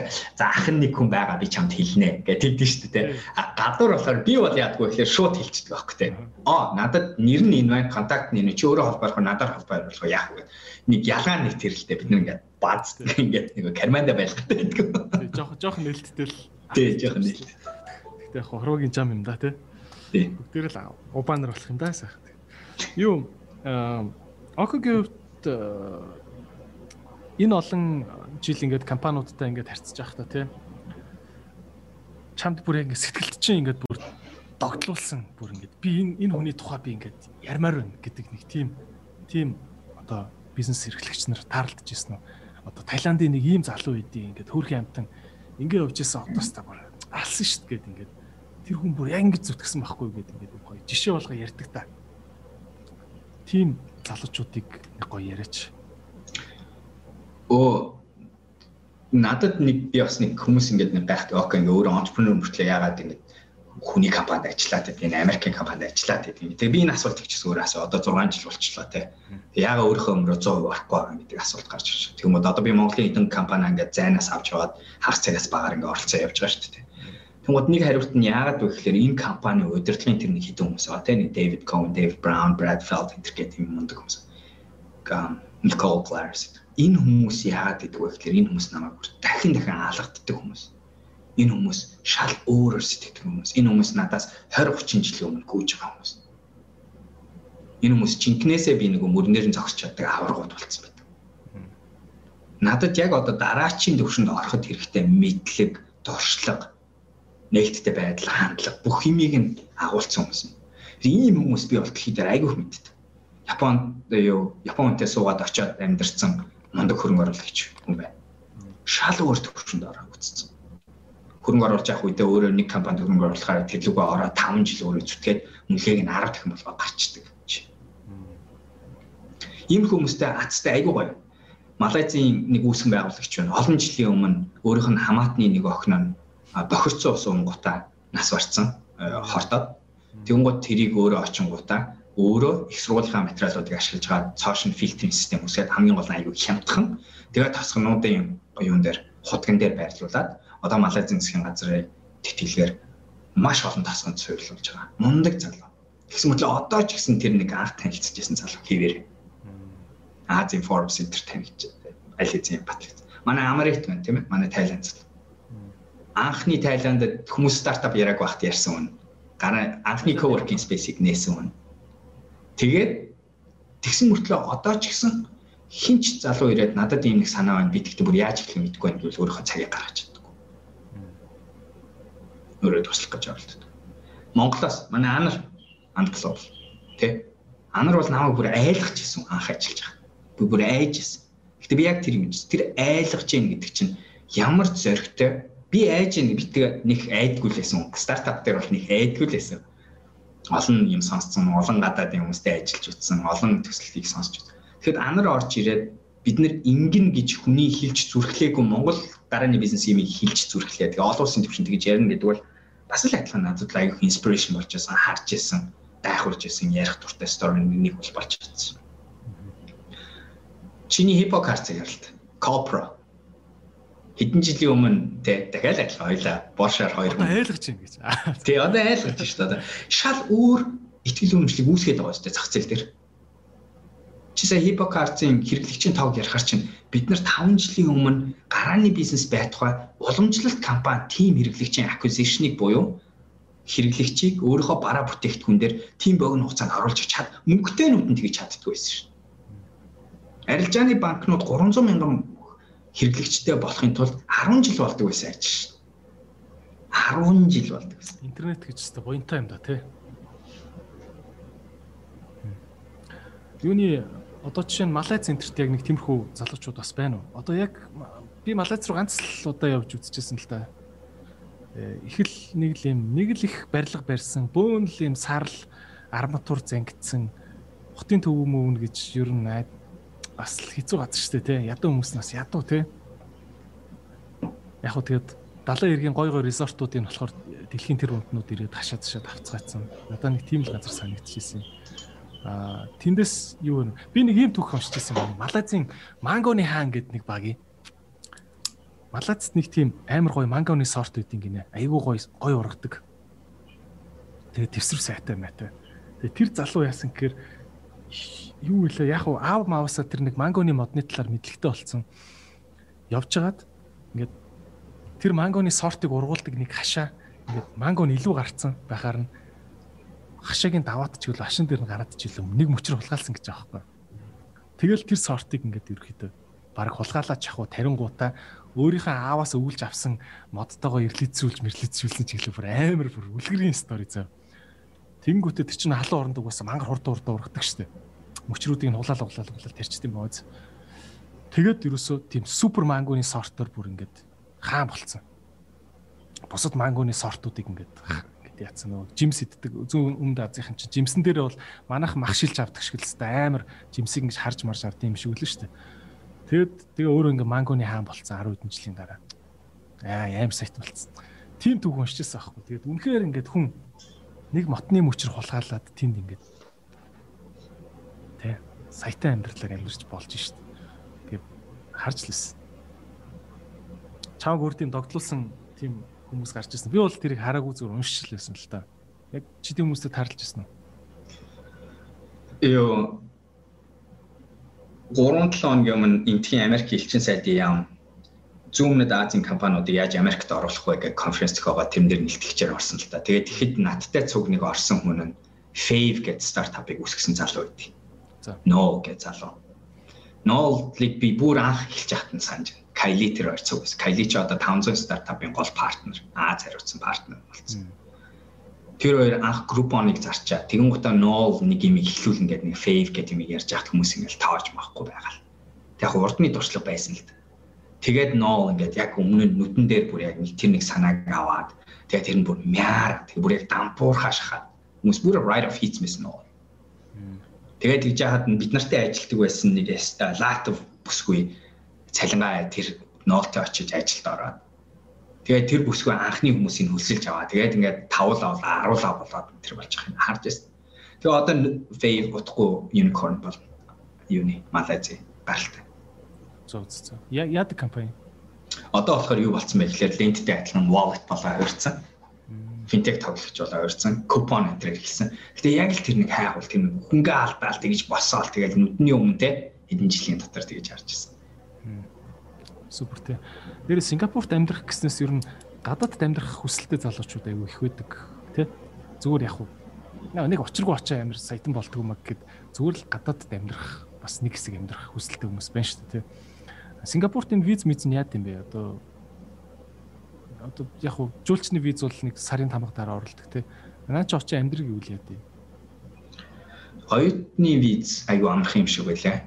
Тэ сургуульд нь л мэдээж бүртгүүлж бол авчин. Ер нь гэхдээ Сингапурын immigration гайгүй юм шиг байна. А бас нэг боломж жишээ нь виз нь entrepreneurship виз гэж байдаг. Entrepreneur-ийн виз гэж байна. Одоо би чинь Сингапурын засгийн газарт гэрээтэйгээр тэрийг нь баталж өгдөг хүний нэг нь болцсон байхгүй. Өөрөөр хэлбэл энэ энэ миний би энэ хүнийг баталж байна та энэ энэ entrepreneur visa ингээ баталцгаа гэх юм бол урд 6 сарын процессыг 2 сард хийгдээ. Тэгээд дээрэс нь аа Techstars-ийн энэ энэ баталгаатай компани байна. Тэгэхээр баг арыг нь шалах хэрэггүй гэнгүүгдэг юм виз 3 жилийн виз чинь байж байна. Энд айгүй олон олон улсын компани байгаа болохоор ийм олон улсын том компаниуд байдаг газрууд ажлын виз айгүй сайн авчдаг. Аяа ажлын визийн дорн гаргадаг. Америк энэ чи яадаг шүү дээ. Заавал 200 мянган доллар Америк банкнд байршуулад 5 Америк хүнийг ажлын байраар хангаад тэгжээж нэг мүү юуны бизнес эрхлэгчийн виз төр авдаг шүү дээ. А наа чин тийм бах уу? Одоо за одоо чинь манай эрхсгээл ингээл Миндэгийн компани шүү дээ. Одоо Миндэ одоо наач очиж амьдрий гэдэг л да. Тэгвэл яа гэсэн үг юм? Хоёр арга байна. Нэг нь болохоор entrepreneur visa авах юм бол эхний жилийн хөнгөлт бол айгүй амархан. Бараг татвар байхгүй эсвэл тавтгай 2% ч лөө а мөнгө байршуулах хэрэггүй, хүн хөслөх хэрэггүй. Хоёр дахь жилээсээ тэр нь арай жоохон өндөрч эхлэе Америк руу ойртож. Гэхдээ хэмжээ нь Америк энэ төр болон бусад улсуудтай харьцуулбал шаардлага нь хамаагүй доогор. Entrepreneurship visa. А өөр нэг арга нь болохоор жишээ нь одоо манай нэг найз Америк залуу өөрөө нөгөө EP буюу ажлын визийг нь авсан горим юу вэ гэхээр энд тэгэхээр зүгээр LLC буюу HHK-га бүртгүүл чинь тэрийг хийхэд ерөөсө олигтой юм хэрэггүй 1500 доллар төлөөл бүртгүүлчихдээ. Унгаас чинь секретарь гаргаж ирээл бүх юм. Тэгээд тэрэн дээрээ үйл ажиллагаа л харуулах хэрэгтэй байдаг. Тэр нь мөнгөний хэмжээ заавал ийм тим энтер гэсэн байхгүй. Хамгийн гол нь үйл ажиллагаа л харуулах. Тэгэл татвар хэрэгтэй. Тэгээд тэр татвар нь айгүй хөнгөлөлттэй. Бас адилхан 5% эхний жил 3 дахь жилээсээ эхний 80 мянга 100 мянга 15% ч л нэлээд бага айгүй байдаг. Тэгээд дээдл нь 20% байдаг баха. Үсрээд дээдл нь 20% болсон. Тэгээд тэгээ яах вэ гэхээр тэгвэл өөрийнхөө ХХК дээрээ ажлын виз бас гаргаж болдог. Ноо за. Дөнгөд өөрийнхөө компанид ор ажлын виз гаргахаар чи ажлын виз нь 3 жилийн ирэх тэгээд дахин дахин сонгож болдог. Тэгэл татвар атлал 8. Юуны хувьд за одоо жишээ нь яг л да за Монголын IT компаниуд бас Монголоос нүүгээд тэрсээ тэргүүл интернетийн бизнес биш тий. За эрхэс гэдээ яриад хөө. Эрхэс Сингапур руу за зүүн дазар нүүлээ гэж бод. Ер нь аль улс руу нүүл чамд зүгээр санагдгүй. Сингай юу, Тайван уу, Солонгос уу, Хонконг уу зүгээр татвар, виз тэр юм ууг нь ботсон ч гэсэн. Зүгээр нэг чи ингээ бодлоо нэг 10 хүнтэй 20 хүнтэй компани байлаа гэж бодъё те. Бүгдээрээ сайхан нүг очиж. Бодлоо. За 20 хүнтэй компани тэгээ мөнгө босгоцсон юм босгоогүй. Бүр орлого олдог компани байлаа. Өөрөөсөө орлого олдог. Монголд орлого нь хаанаас вэ? Монголоос нэг 30%, 70% энд тэндээс олчдаг тийм компани байлаа гэж бодъё л те. Тэгээ нэг гоё дэлхийн хүн болж амьдрий гэж бодно өстэй залуучууд чинь те. Яг гоё дэлхийгээр аялж амьдралтай гэж бодож магадгүй шүү. Тэгэхээр би founder байдлаар би одоо чинь манайх одоо нөгөө эрүүл мэндийн компани 6 сард долоос руу англи хэлтэй бараа гаргана. А тэгээ багаа шилжүүлэхдээ би Тайланд руу шилжүүлэх бодолтой байна. Яад вэ гэвэл Тайландын бичиг баримт амархан нэгт нь хоёрт нь амьдралын зардал аюу бага. А тэгсэн мөртлөө Тайланд access нь бүх газартаа байгаа. А тодорхой байдал нь Сингагаас арай хүнд арай хүнд гэхдээ навигейт хийж болно. Ялангуяа надад нэг сайн контакт байгаа, хамтарч ажиллах байгууллагууд мэтэр байгаа болохоор а хэрвээ одоо чинь бодъё л да бид нар 5 сая доллар ч юм уу тийм мөнгө босгочих гэж бодъё те. Тэгээд гэх юм бол би бага Сингапур юм уу Хонконг руу нүүлгэж болно. Ялангуяа манай хэрэглэгч нарын гол бааз нь тэнд байх юм бол. А одоо би хувьдаа харж байгаа байршилмаар байгаа газар бол Тайван байгаа. Яг тэлэр дид бүтцийн хувьд хууль эрх зүйн ойлгомжтой байдал энэ төр нь Сингапурт дүүцхүүц мөртлөө амьдралын зардал нь Сингагаас бараг 60% баригдах юм байна. Өөх 50 ч тийм амтах юм уу? Би 51 айгу үнэтэй Япон шиг газар гэж боддог байсан шүү дээ. Үгүй хамаагүй амтах. Тийм үү. Одоо үнэтэй амтахнаар нь жагсаавал ер нь юу вэ? За Сингапур мэдээж шууд баг номер 1-т орж ирнэ тий. Аа юу үйл хөдлөлийн үнэтэй нь Хонконг дараачих нь цалин өгөх өндөр. Хэрвээ хүн өсөж авал Хонконгийн цалингийн зардал айгүй өндөр. Би Хонконгт хүмүүсэж авч байна. Дараачих нь Токио, Япон тий. Аа тэгээд тэгэхээр Хонконг, Сингапур, Токио За тэгэл тэрний араас а Солонгос магадгүй дараа нь юм байна. Тэгээ Австрал, Нью-Зеланд бид нар орж ирээ тэгэл нөгөөд нь хашаа. Индонез хямдхан, Вьетнам хямдхан, Филиппин хямдхан, Малайз хямдхан, Тайланд хямдхан. Бараг Малайзад сургуулаасаа төгсөөд 3 жил ажилласан хүнийг 1000 доллараар авч болно сарын. Оо зөө зөө. Окей. Би бол тэгж хараад байгаа байхгүй нөө digital nomad гэдэг шиг а ер нь бол IT-ийн компаниуд явандаа ингээд бүр ажилтнтайгаа аюутаа итгээ захиралтайгаа юутай итэг бүгдээрээ ингэж нүүдэлдэж амьдэрдэг болох болов гэж бодод байгаа байхгүй. Компаниараа нэг жил Сингапурт байдаг. Компаниараа нэг жил Таиландд амьдэрдэг ч юм уу те. Яг яг бодит номад digital nomad болж чадах юм бол компаниараа хаана байх нь сонир биш шүү дээ. Одоо шинэ Deliveroo гэдэг Rocket Internet-ийн компани байна те. Үнэхээр мундаг болж байгаа. Grab-тэй өрсөлдөж байна, Uber-тэй өрсөлдөж байна. Тэд нар бол яаж юм гэсэн ажилчид нь хаанаас ч ажиллаж болно. Тэгээд тэдний офис нь 3 4 офис байгаа бүстэй Тэгээ ажилчид нь харьяалаараа болохоор энтхийн бараан дээр ажиллаж магадгүй. Гэхдээ тэд нэр Токиогоос 6 сар ажиллаж болно. LinkedIn-ийн офис яг адилхан томчууд. Одоо ерөөсөө яадаг болсон яг бодит гормын юу гэхээр заавал багаараа хаач байх. Манай компани 22 оронд бид нар тархацсан ажиллаж байна. Гэхдээ бид нар ямар ч улсын төсөл рүү зэрэг орж чадж байна. Та нар нэр таны компани орон ажилтан хаана байгаагаас хамаараа цалин өөр өөр байдаг уу? Одоо чинь Америк дугуун дээр их юм чам дээр багыг юм ч гэдэг юм. Тэг нөгөө өөртөө угаасаа бүсийн боддог систем байдаг, энэ талаар зөвлөгөө өгдөг компани байдаг, механизмууд байдаг тэрийгээ дагаад ер нь бүх технологи ер нь олон улс офслдог хүн өсөлтөг компаниуд бүгдээ тийм механизмтай болцсон юм билээ одоо. Аа тэгжээс л угаасаа яг бахал та тий. Яач ч зайл аль ч оронд амьдарч байгаа зардал бүх юмнууд нөөр юм чинь тий. Хийж байгаа ажлууд нөөр юм чинь. Окей. За окотойгоо ямар ч үсэн маш сайхан дэлгэрэнгүй ярьцлага хийлээ гэж бодож байна. Мэдээж энэ хүнээс асууж мэдэх зүйл маш их байгаа. Тэгээд фолловерууд нь өөрсдөө тэгээд бичээрэй. Тэгээд Окопитори ярьцлагыг бүгдээрээ шеэр хийж туслаараа маш олон хүнд хүргэмээр байна. А миний бодлоор энэ Око гэдэг залуугаас суралцах юм маш их байгаа. Монголын стартап энэ гарааны бизнесүүдийн төлөө ерөөхдөө бол за баг зарламалс эцэг хэлчихэд хэлсдэхгүй байх гэж бодож байна. А их баригч гэж хэлэх юм эсвэл бүр тий би анх энэ хүний амнаас стартап пик гарааны бизнес гэж орчуулна гэдгийг сонсч ирсэн. Тэгэд энэ залууг дэмжиж бүгдээрээ сайхан шеэр хийгээрэй гэж хүсэж байна та бүхнээсээ. Тэгэд Окодос маш их баярлалаа. Дэлхийн одоо нэг Монгол хүн дэлхийд үнэлэгдэх цаг болцсон гэдэг чинь яг үнэхээр энийг харуулж байгаа бас олон нийтийн нүдэнд ил байгаа цөөхөн залуучуудын нэг гэж боддог. Тэгээд Окодо микрофоны сүүлчийн минутыг үлдээе манай үзэгч нарт юу гэж хэлэх үү тэ магадгүй өөрийнхөө сошиал медиагаар хэлээгүй ч гэсэн үнэхээр хэлэх хэрэгтэй үнцэнтэй зүйлийг бид бүхэнд хэлээч гэж хүсэж байна. Тий байдлаа идрээ нааг урьж оруулсан те тэгээд магадгүй дүгнэд хэлэн гут нөгөө хэлээд байгаа юм нь юу вэ гэхээр Twitter өнөөдөр ярьсан сэдв чинь ерөнхийдөө бүс ер нь Монголоос хайлж бодох гэж ярих гэж үзлээтэй хойлоо. Ер нь олон улсын талаас нь юмыг харах гэж үзлээ. Тэгээд тэнд юу байгааг илрүүлэх гэж тэгээд миний харсан үтснийг ингээд хуваалцах гэж бол тэгээ харангууд ерөөсө дүгнэлт нь хэрвээ байх юм бол би бол хилээд байгаа зүйл ерөөсө энэ байна. Одоо бид нар угаасаа цөөхөн ухаантай улсууд угаасаа бид нар ийм том эдийн засгуудтай өрсөлдөх онцлог арга олох хэвээр хүмүүсийн хувьд, улс орны хувьд, залуучуудын хувьд биднэрт нэг бодит байгаа боломж нь бол дэлхийн ухаан яг одоо л нээлттэй болсон. Би дээр үе тэрийг ярьдаг байсан. Гэхдээ одоо л нээлттэй болсон гэж ярьж. Би тэргүүрээ юу гэсэн үг вэ гэхээр чадварлаг залуу хүн байх юм бол одоо ажлыг хаач хийж болно. Ямар ч дэлхийн мундаг компани руу ажилд орё гэдэг хүсэлтийг явуул хөөцөлд авах хэрэгтэй болсон. Би олон улсын байгууллагад ажиллаад олон улсад хүн хөлсөлж авч байгаа хүний хувьд тийм байгууллагатай хамтарч ажиллаж байгаа хүний хувьд миний нэг мэдж байгаа юм юу гэхээр мундаг хүмүүсийг хүмүүс хайсаар байна. Тэгэхээр глобалч болох тусмаа бид нар хаанаас ч хүнийг хөлсөлж авах тийм бүр борин бүрэн боломжтой шаардлагатай болж байна. Тэгээ тэр маань бидний хувьд айгуугүй боломж гэж харж. Хоёрт нь энэ усад очиж амьдарч энд амьдраад урт хугацаанд энэ байна гэдэг заавал тэгж төвчгдсэн байдлаар бодох хэрэггүй гэж байна. Хүмүүс надад дандаа асуудаг. Ирээдүйдээ хаана амьдрах? Би ирээдүйдээ Монгол нэг хөл байна. Нөгөө нэг хөл нөөр нэг газар бүр заавал байна. Яг тэгэхээр одоо биднэрт тийм бүрэн боломж байна. Зардал хөлс унчлаа.